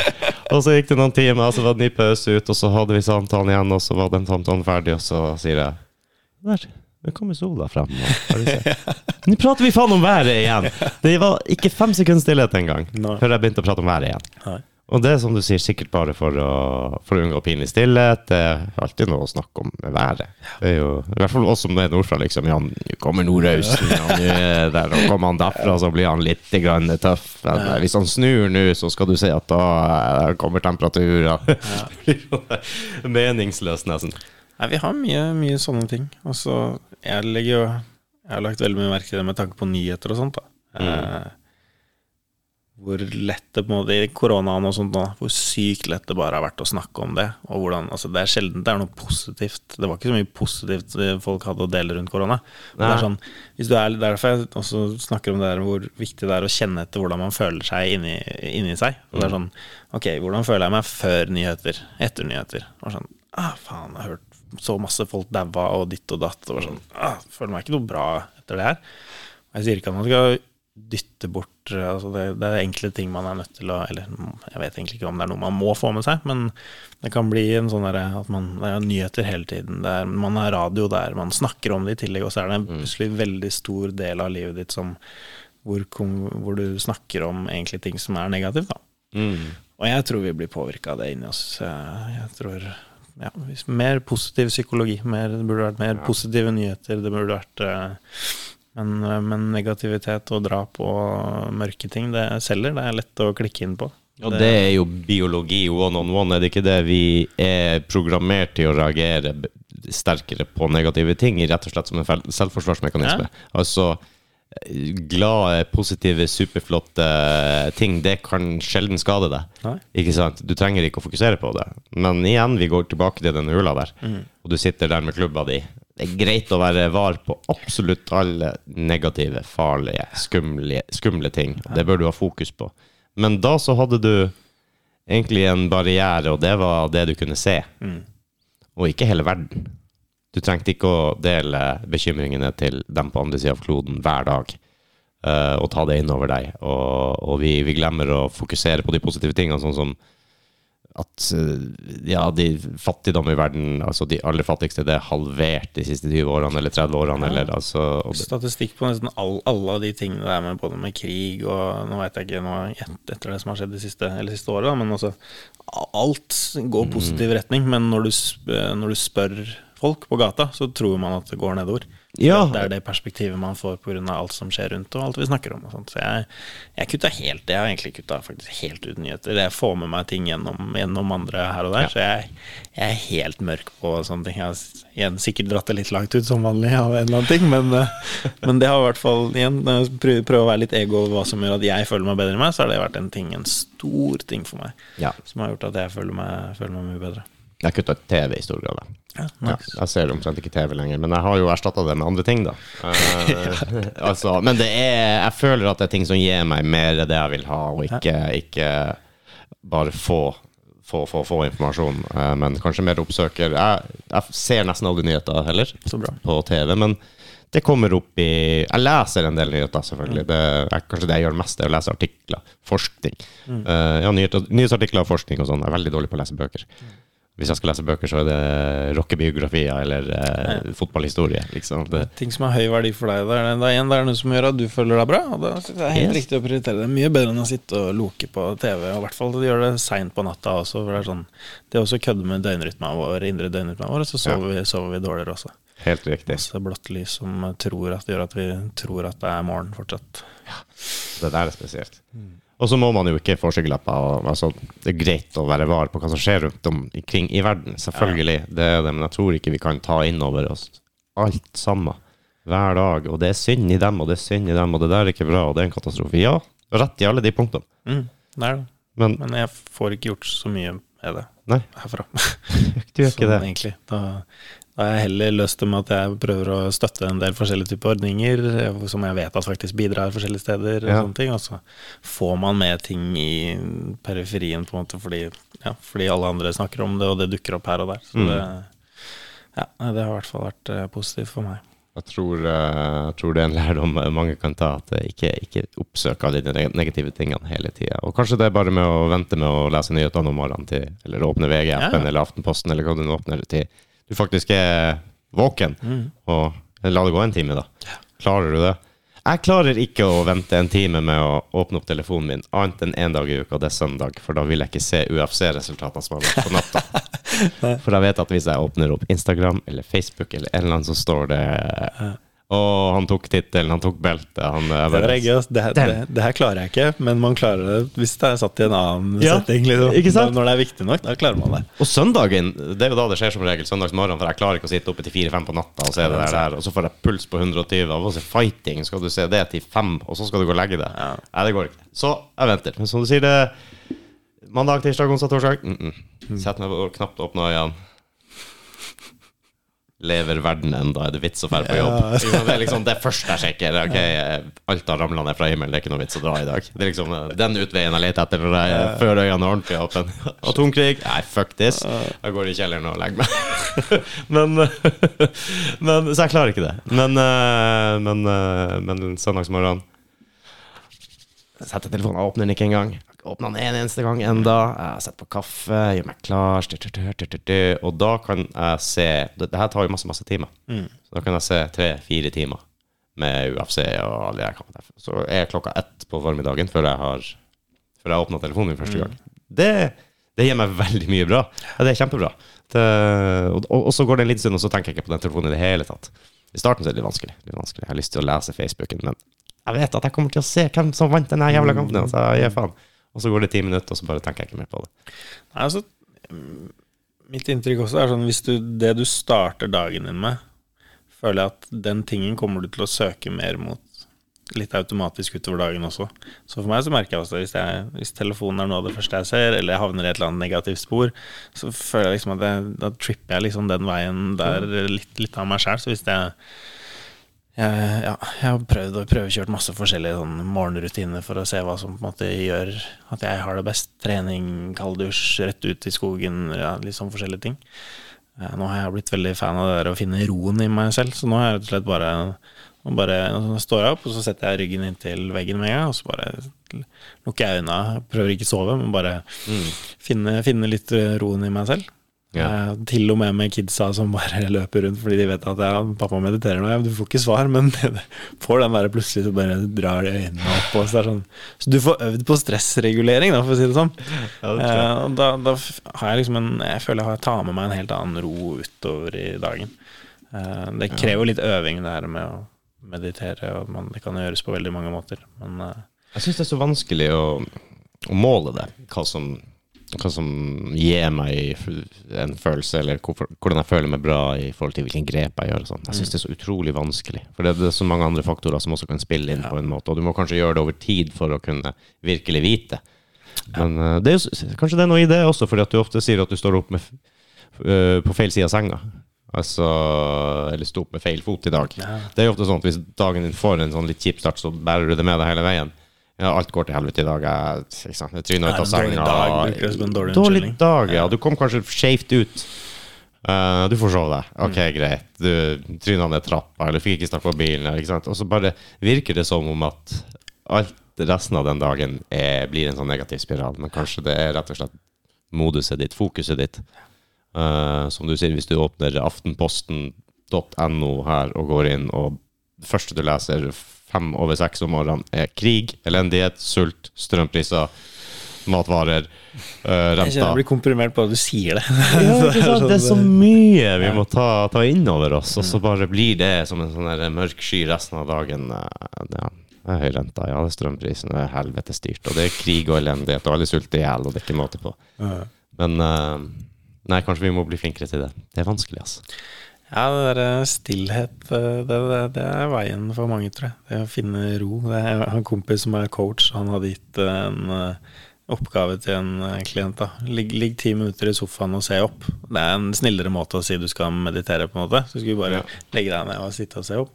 Og det var det verste hun hadde gjort, liksom. Det mm. mest, mest krevende hun har gjort. Og det er sånn og det tror jeg er normalbefolkningen, egentlig, som faktisk sliter så mye. Om, om det er fordi at negative tanker kommer, og man er vant til å gjemme seg bort i andre ting.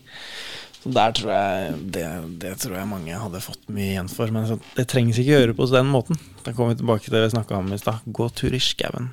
Ja, Gå ja. rolig tur i skauen, så får du mye av det samme greiene. Tilstedeværelsen og du glir litt bort fra de der vante tankene. Vi, vi looper i de samme jævla tankene more or less hver dag, ikke sant. Så det er jo bare Man må se litt på de og bare ok, gagner de her tankene meg, liksom. Kan jeg bare Kan jeg dytte, dytte de litt bort?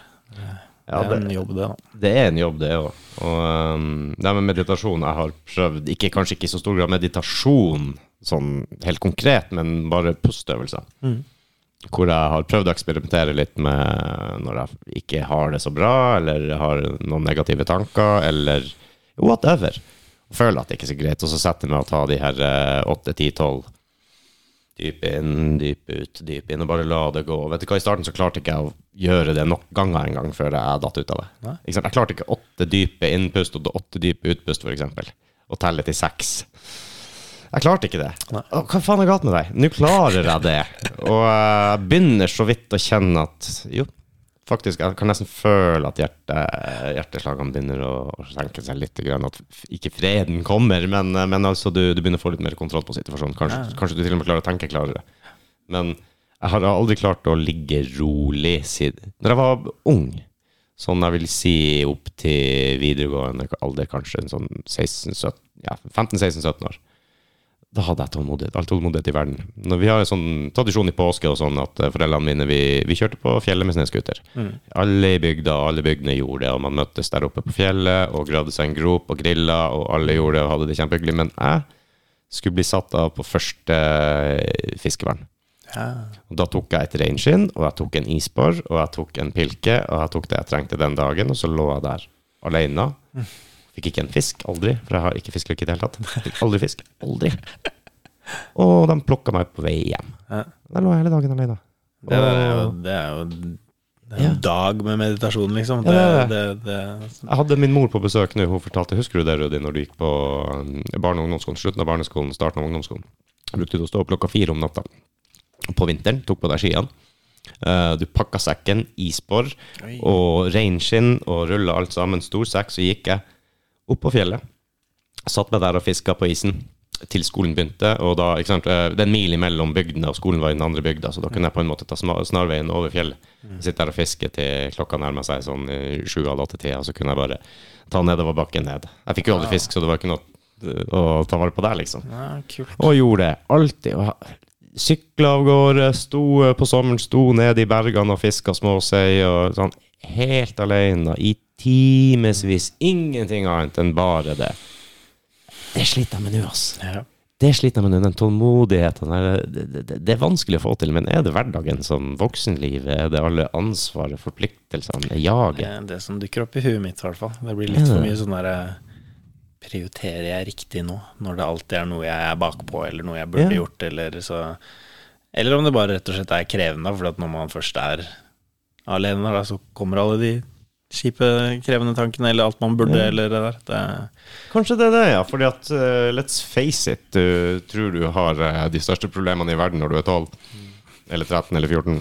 Men det var jo egentlig ikke det. Sånn, sannsynligvis ikke. er kanskje ikke like mye ansvar, i hvert fall. Den der ansvaret, den, er, den kan være tung på Ja. som, eh, som både mann og kvinne. Det er veldig Det er vel kanskje der det ligger, ikke i problemer. Det har problemer, og som vi sier, noen problemer er, kan være ille for noen og ikke så ille for noen andre, men, men ansvar, ja. Kanskje, ikke, kanskje du var friere i, i Ja. tankene dine. Definitivt. Men jeg tror det du sier her, er sånn Det er et spørsmål jeg liker å stille folk. som Bare sånn Når er det du på en måte ikke tenker på tid og rom? Altså er det når du gjør mer av det? Altså Du trenger ikke å sitte som en munk og meditere under et tre. Det, men, det er, hvis det er fisking hvor du chiller, eller om det er sykling, eller om det er når du kjører motorsykkel Pappa elsker det? Eller motorsykkel, eller spiller musikk. Altså hvor, hvor er det du hvor du får fri og klarer å holde deg Eller ja, hvor du har det bra, da. Gjøre, Gjøre, gjøre mer av de tingene. Og det også er helt forskjellig. Det, Mm, og, forskjellig. Noen, noen gjør det når de kjører bil, liksom. Det, det bare ja. finn, finn din greie. Det er en, faktisk en greie med litt musikk i bilen. Hvis jeg har anledning til det. Det gir meg veldig mye. Utrolig deilig. Og du trenger ikke å ta hensyn til noen andre, spesielt hvis du er alene i bilen. Og bare blaste på med alle dine guilty pleasures. Ikke sant? Ja, er ikke det? Og det er utrolig deilig. Men uh, også Jeg sa i sted, jeg klarer aldri å Jeg har fryktelig mye uro i kroppen. Jeg har alltid hatt det, føler jeg. Selv om jeg ikke følte så mye på det når jeg var mye yngre. Da hadde jeg all den tålmodigheten. Altså, Men jeg føler nå at kroppen begynner å riste hvis jeg skal sitte rolig mer enn fem minutter. Men den uh, fine, rolige gåturen ute med bikkja, den gir meg noe sånn De tankene der, de, det, det er så deilig, altså. Det, jeg tenker på alt og ingenting samtidig, og du bare streifer innom, og så blir du plutselig stående og se på et ekorn, ikke sant? Yeah. Det er sånne, der, eh, det er sånne der små, små øyeblikk som du, du ikke tenker på noe annet. Nei, jeg hadde skikkelig tidligere Jeg hadde ordentlig, ordentlig rolig dag og gått tur i skauen og sånt. Og så sto jeg oppå en, en lite fjell, og det var helt kongesol, og jeg bare Hva er det? Altså, så sykt fint det er, liksom. Tar vi oss seriøst ikke tid til å se ordentlig rundt oss hvor sjukt fint Det var en fin dag i dag. Ja, i dag har vært digg, ass. Ja, det var veldig fint. Men eh, det, apropos, jeg må- det var en ting jeg nevnte, eller tenkte på med det med stillhet og sånt. Mm. Jeg husker ikke om jeg nevnte sist, men der, eh, har du hørt om floating tank? Eller floating? Ja, ja, ja. Det har jeg hørt om. Eh, Jeg kommer rett fra det, faktisk. Eh, Gjør det? Ja, det også prøver jeg å gjøre et par ganger i måneden, i hvert fall. Eh, Ligger du i en jeg å si, solariumstank, nesten, litt større enn det, og med heftig meng- mengder med saltvann. Ja, for det er noen mineraler og salt og litt sånn eh, som Ja, og så Ligger man rett og slett Man ligger bare helt i overflaten. Ligger og flyter der, så det er helt Det er mørkt, du har ikke lyd, og vannet blir du, du, du kjenner liksom ikke helt den der barrieren på hva som er deg og vannet. Så det blir en veldig Det, det blir ikke alltid gøy, Fordi noen ganger så havner man i et eller annet eh, tankemønster, et eller annet okay. krevende der, men det er du har ikke så mye å fokusere på. Det er egentlig nesten bare pusten din og hjertet ditt. Så det, den, eh, den, gir meg, den gir meg mye ro. Det, Wow. Ja, det Jeg har hørt om det. Jeg lurer på uh, hvordan det der, der føles. Du blir på en måte tvunget til å være der sjøl med dine egne tanker. Du, som du sier, de fysiske tingene forsvinner nesten. så du får- Kan du gjøre det i Oslo, eller? Ja. Uh, noe, uh, jeg, har med, jeg har med 52 gavekort. Ja. Oh my god! Ah. Oslo, Oslo Floating. Det var Det er, faen meg. Jeg har om det, skjønner du. Det var Ja. ganske interessant. Nei, jeg, jeg syns det er veldig digg, å men det ja, Det har vært en gang hvor jeg måtte gå ut før, liksom. Jeg bare jeg fant Det var skikkelig uro i meg, liksom. Jeg måtte bare ut og ja, ble, havna i en sånn der om et eller annet, og så bare fikk litt sånn små, småangst, på en måte. Men de fleste, ni av ti ganger, så syns jeg det er bare veldig digg og Mm. Digg og avslappende. Jeg har eh, Jeg er hos bedriftshelsetjenesten tjenesten en gang i året. Mm. Der sjekker vi pust og altså, kolesterol og alt mulig, egentlig. Og også hørsel, f.eks. Mm. Og um, da blir vi satt inn i det lille avlukket, lydtette avlukket. Og så får vi øretelefoner på, så det er helt 100% stillhet, men du skal høre etter de bitte små pipelydene. Mm. Og bare det å sitte der helt stille Du føler i rommet at det er ikke ekko, det er ikke noe Det, det er så vanvittig stillhet at jeg, når jeg får på dem i tillegg, så hører jeg pusten min og hjerteslagene mine så utrolig bra. Det blir nesten ukomfortabelt. Jeg kjenner det at jeg blir veldig, veldig, veldig veldig var på det. At jeg, at jeg får nesten en uro i meg. Det blir sånn der. Men det er kanskje en sånn Det tar ikke så lang tid, det der. Nei. Men når blir, jeg blir så isolert og så var på pust og hjerteslagene mine, så den tida der, det blir eh, det blir veldig spesielt for meg. Det blir sånn, nesten sånn ukomfortabelt. Litt sånn der uh, greie. Og det kan kanskje være et snev, en prosent av en sånn eh, floating tank, da. Ja, det, men så er det Det er mange som stiller spørsmål om det om eh, klaustrofobi. Om, om man får lett den Mm. klaustrofobifølelsen. Det syns jeg, jeg ikke det er. Men jeg syns også det var, det var krevende, i hvert fall de, de første gangene. Syns jeg det var en tilvenningssak. For jeg har også vært veldig aware over hjertet. Har hatt et par ganger med sånn skikkelig skikkelig, skikkelig angst i tidlig 20-årene hvor jeg trodde at jeg fikk hjerteinfarkt og skulle daue, liksom. Så, så da har det blitt sånn Når du plutselig ligger der og bare hører hjertet, så er det sånn Ikke stopp, bro, eller et eller annet sånt. Det er lett å liksom henge seg opp i noe, noe greier der, og så blir det en sånn frykt-angst-greie. da Ja. Så jeg kan skjønne, skjønne den. Faen, det, det skal jeg faen meg prøve en gang. Altså. Det, det høres Jeg har hørt mye om det, som sagt. Det, det er blitt populært, og jeg tror kanskje det er verdt å teste det ut. For det blir jo en meditasjon, det, og det er jo er på en måte Det er i hvert fall ikke noe mulighet for at du blir distrahert av noe. Det heter jo sensory deprivation, deprivation tenker er Ja. vel det man kaller det. Så det er jo, ja. More or less ikke noe, ikke noe senses til å ta, ta fokus. Så det, det anbefaler jeg for, eh, for alle, egentlig, å prøve. Hvor lenge har du gjort det? Et, et og et halvt år. Hva ganger i måneden? Ja, litt sånn av og på. Mm. Nå i det siste har jeg nok gjort det en gang i, nesten en gang i uka.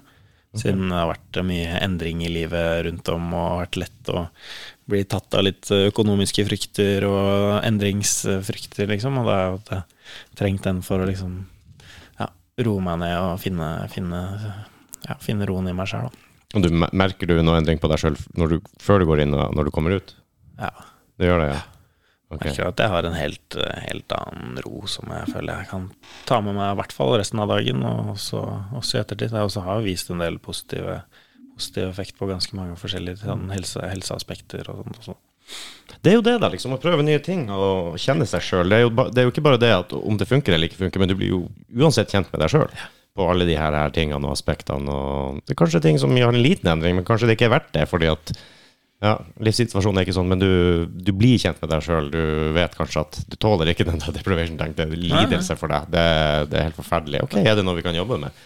Ja, da finner du ut av det også, kanskje du skal heller finne deg et sånt rom du snakka om, hvor du hører, ta øresjekken og bare ok, sitte her fem minutter, da. Eller er Ja. finne en eller annen måte hvor du For det er jo det, hvis det er helt for jævlig for deg, Mm. så tenker jeg at da er det kanskje det stedet du har mest å lære også. Nemlig. Eh, selv om vi mennesker er heller litt sånn bare sånn Ok, det var krevende, det bare driter vi. Mm. Det, det gidder jeg ikke med, liksom. Men ja, finne en mellomting med hvordan man kan eh, ja, øke terskelen der. Samme som uh, kuldegreier. Det å liksom starte, Ja. starte å bygge opp, da. Det er det jeg har også blitt kanskje mest opptatt, av, eh, egentlig også siden jeg starta den poden igjen, da. Det, eh, eller vi starta den poden her, det er å prøve, prøve nye ting vi ikke har gjort før. Og uh, snakke med nye mennesker vi ikke har snakka med før. Hive oss med, bare, bare, bare si ja! Bare si ja. Si ja.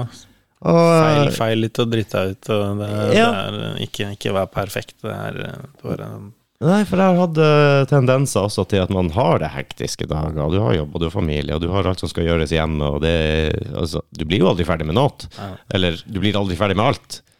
Og det går det er så fort å si nei til den der greia på fredagskvelden, eller den der saken på søndagsformiddagen, eller liksom ah, Det hadde jo vært Ja, høres kult ut, men Eller kanskje litt skummelt ut, men ikke sant, hjemme, har den matchen jeg kunne sett, eller jeg kunne ha gjort noe i kjelleren der, eller det, det tar, Man føler at det tar fra deg noe da når du skal gjøre de tingene, men etter hvert som jeg har begynt å gjøre de tingene og si ja til nesten alt jeg har anledning til å være med på, så, så blir det en mye mer positiv ting ut av det. Mm. Istedenfor å snike seg unna det. Jeg tror det er viktig det at vi det må feile litt oftere også. Det er eh, Jeg har også sett det at sånn for For at vi voksne skal lære, Mhm. så er jo det aspektet med at vi feiler, en av de viktigste faktorene for nydannelse av nerveceller, på en måte. Ja, det er du, ja. du er nødt til å feile for å på en måte rekalibrere og skape nye synapser og sånn. Og så går vi og er redd for å feile. Så det er sånn, jeg prøver og jeg øver på det selv og tenker at lære og feile, de er egentlig synonymer, da. Mm, for, for, meg, for meg så har det vært sånn jeg har heller jeg har levd under en sånn perfeksjonist eh, Jeg er perfeksjonist, og så holder jeg meg heller unna det å feile. I stedet Ja, for, i ja, ja. å gå og faktisk bare Ok, gå drit ut, gå drit ut, gå drit ut. Jeg jeg er perfeksjonist, så jeg gjør bare de tingene jeg kan 100 Mm. Ja, ja, men da kan du være perfeksjonist, da. Så Det er jo ikke noe stress, det. Du, får det til hver gang. Alltid. Så setter man det litt høyt og sånn også. Men så sånn, jeg tror egentlig ikke det er den beste det er ikke noe, Jeg tror ikke det er noe veldig god egenskap. Jeg tror Nei. egentlig det er litt sånn gjemme seg fra frykter. Jeg tror det, jeg også. Fy faen. Vet du hva? Nei. Hvor lenge tror du vi har holdt på nå? Nei, vi har babla bra. Ja. Vi to karer som fyrer bra opp under det første først skjer. En god time av landen. Vi har passert to. Hæ? Ja, vi har passert to Oi, timer. rakkeren. Ja. Imponerende. for det, eller? ja, det var imponerende. Vi skal ta og begynne å pakke sammen snart, Jørgen. Ja, det, det tenker jeg Det høres var- riktig ut. da En helt fantastisk prat.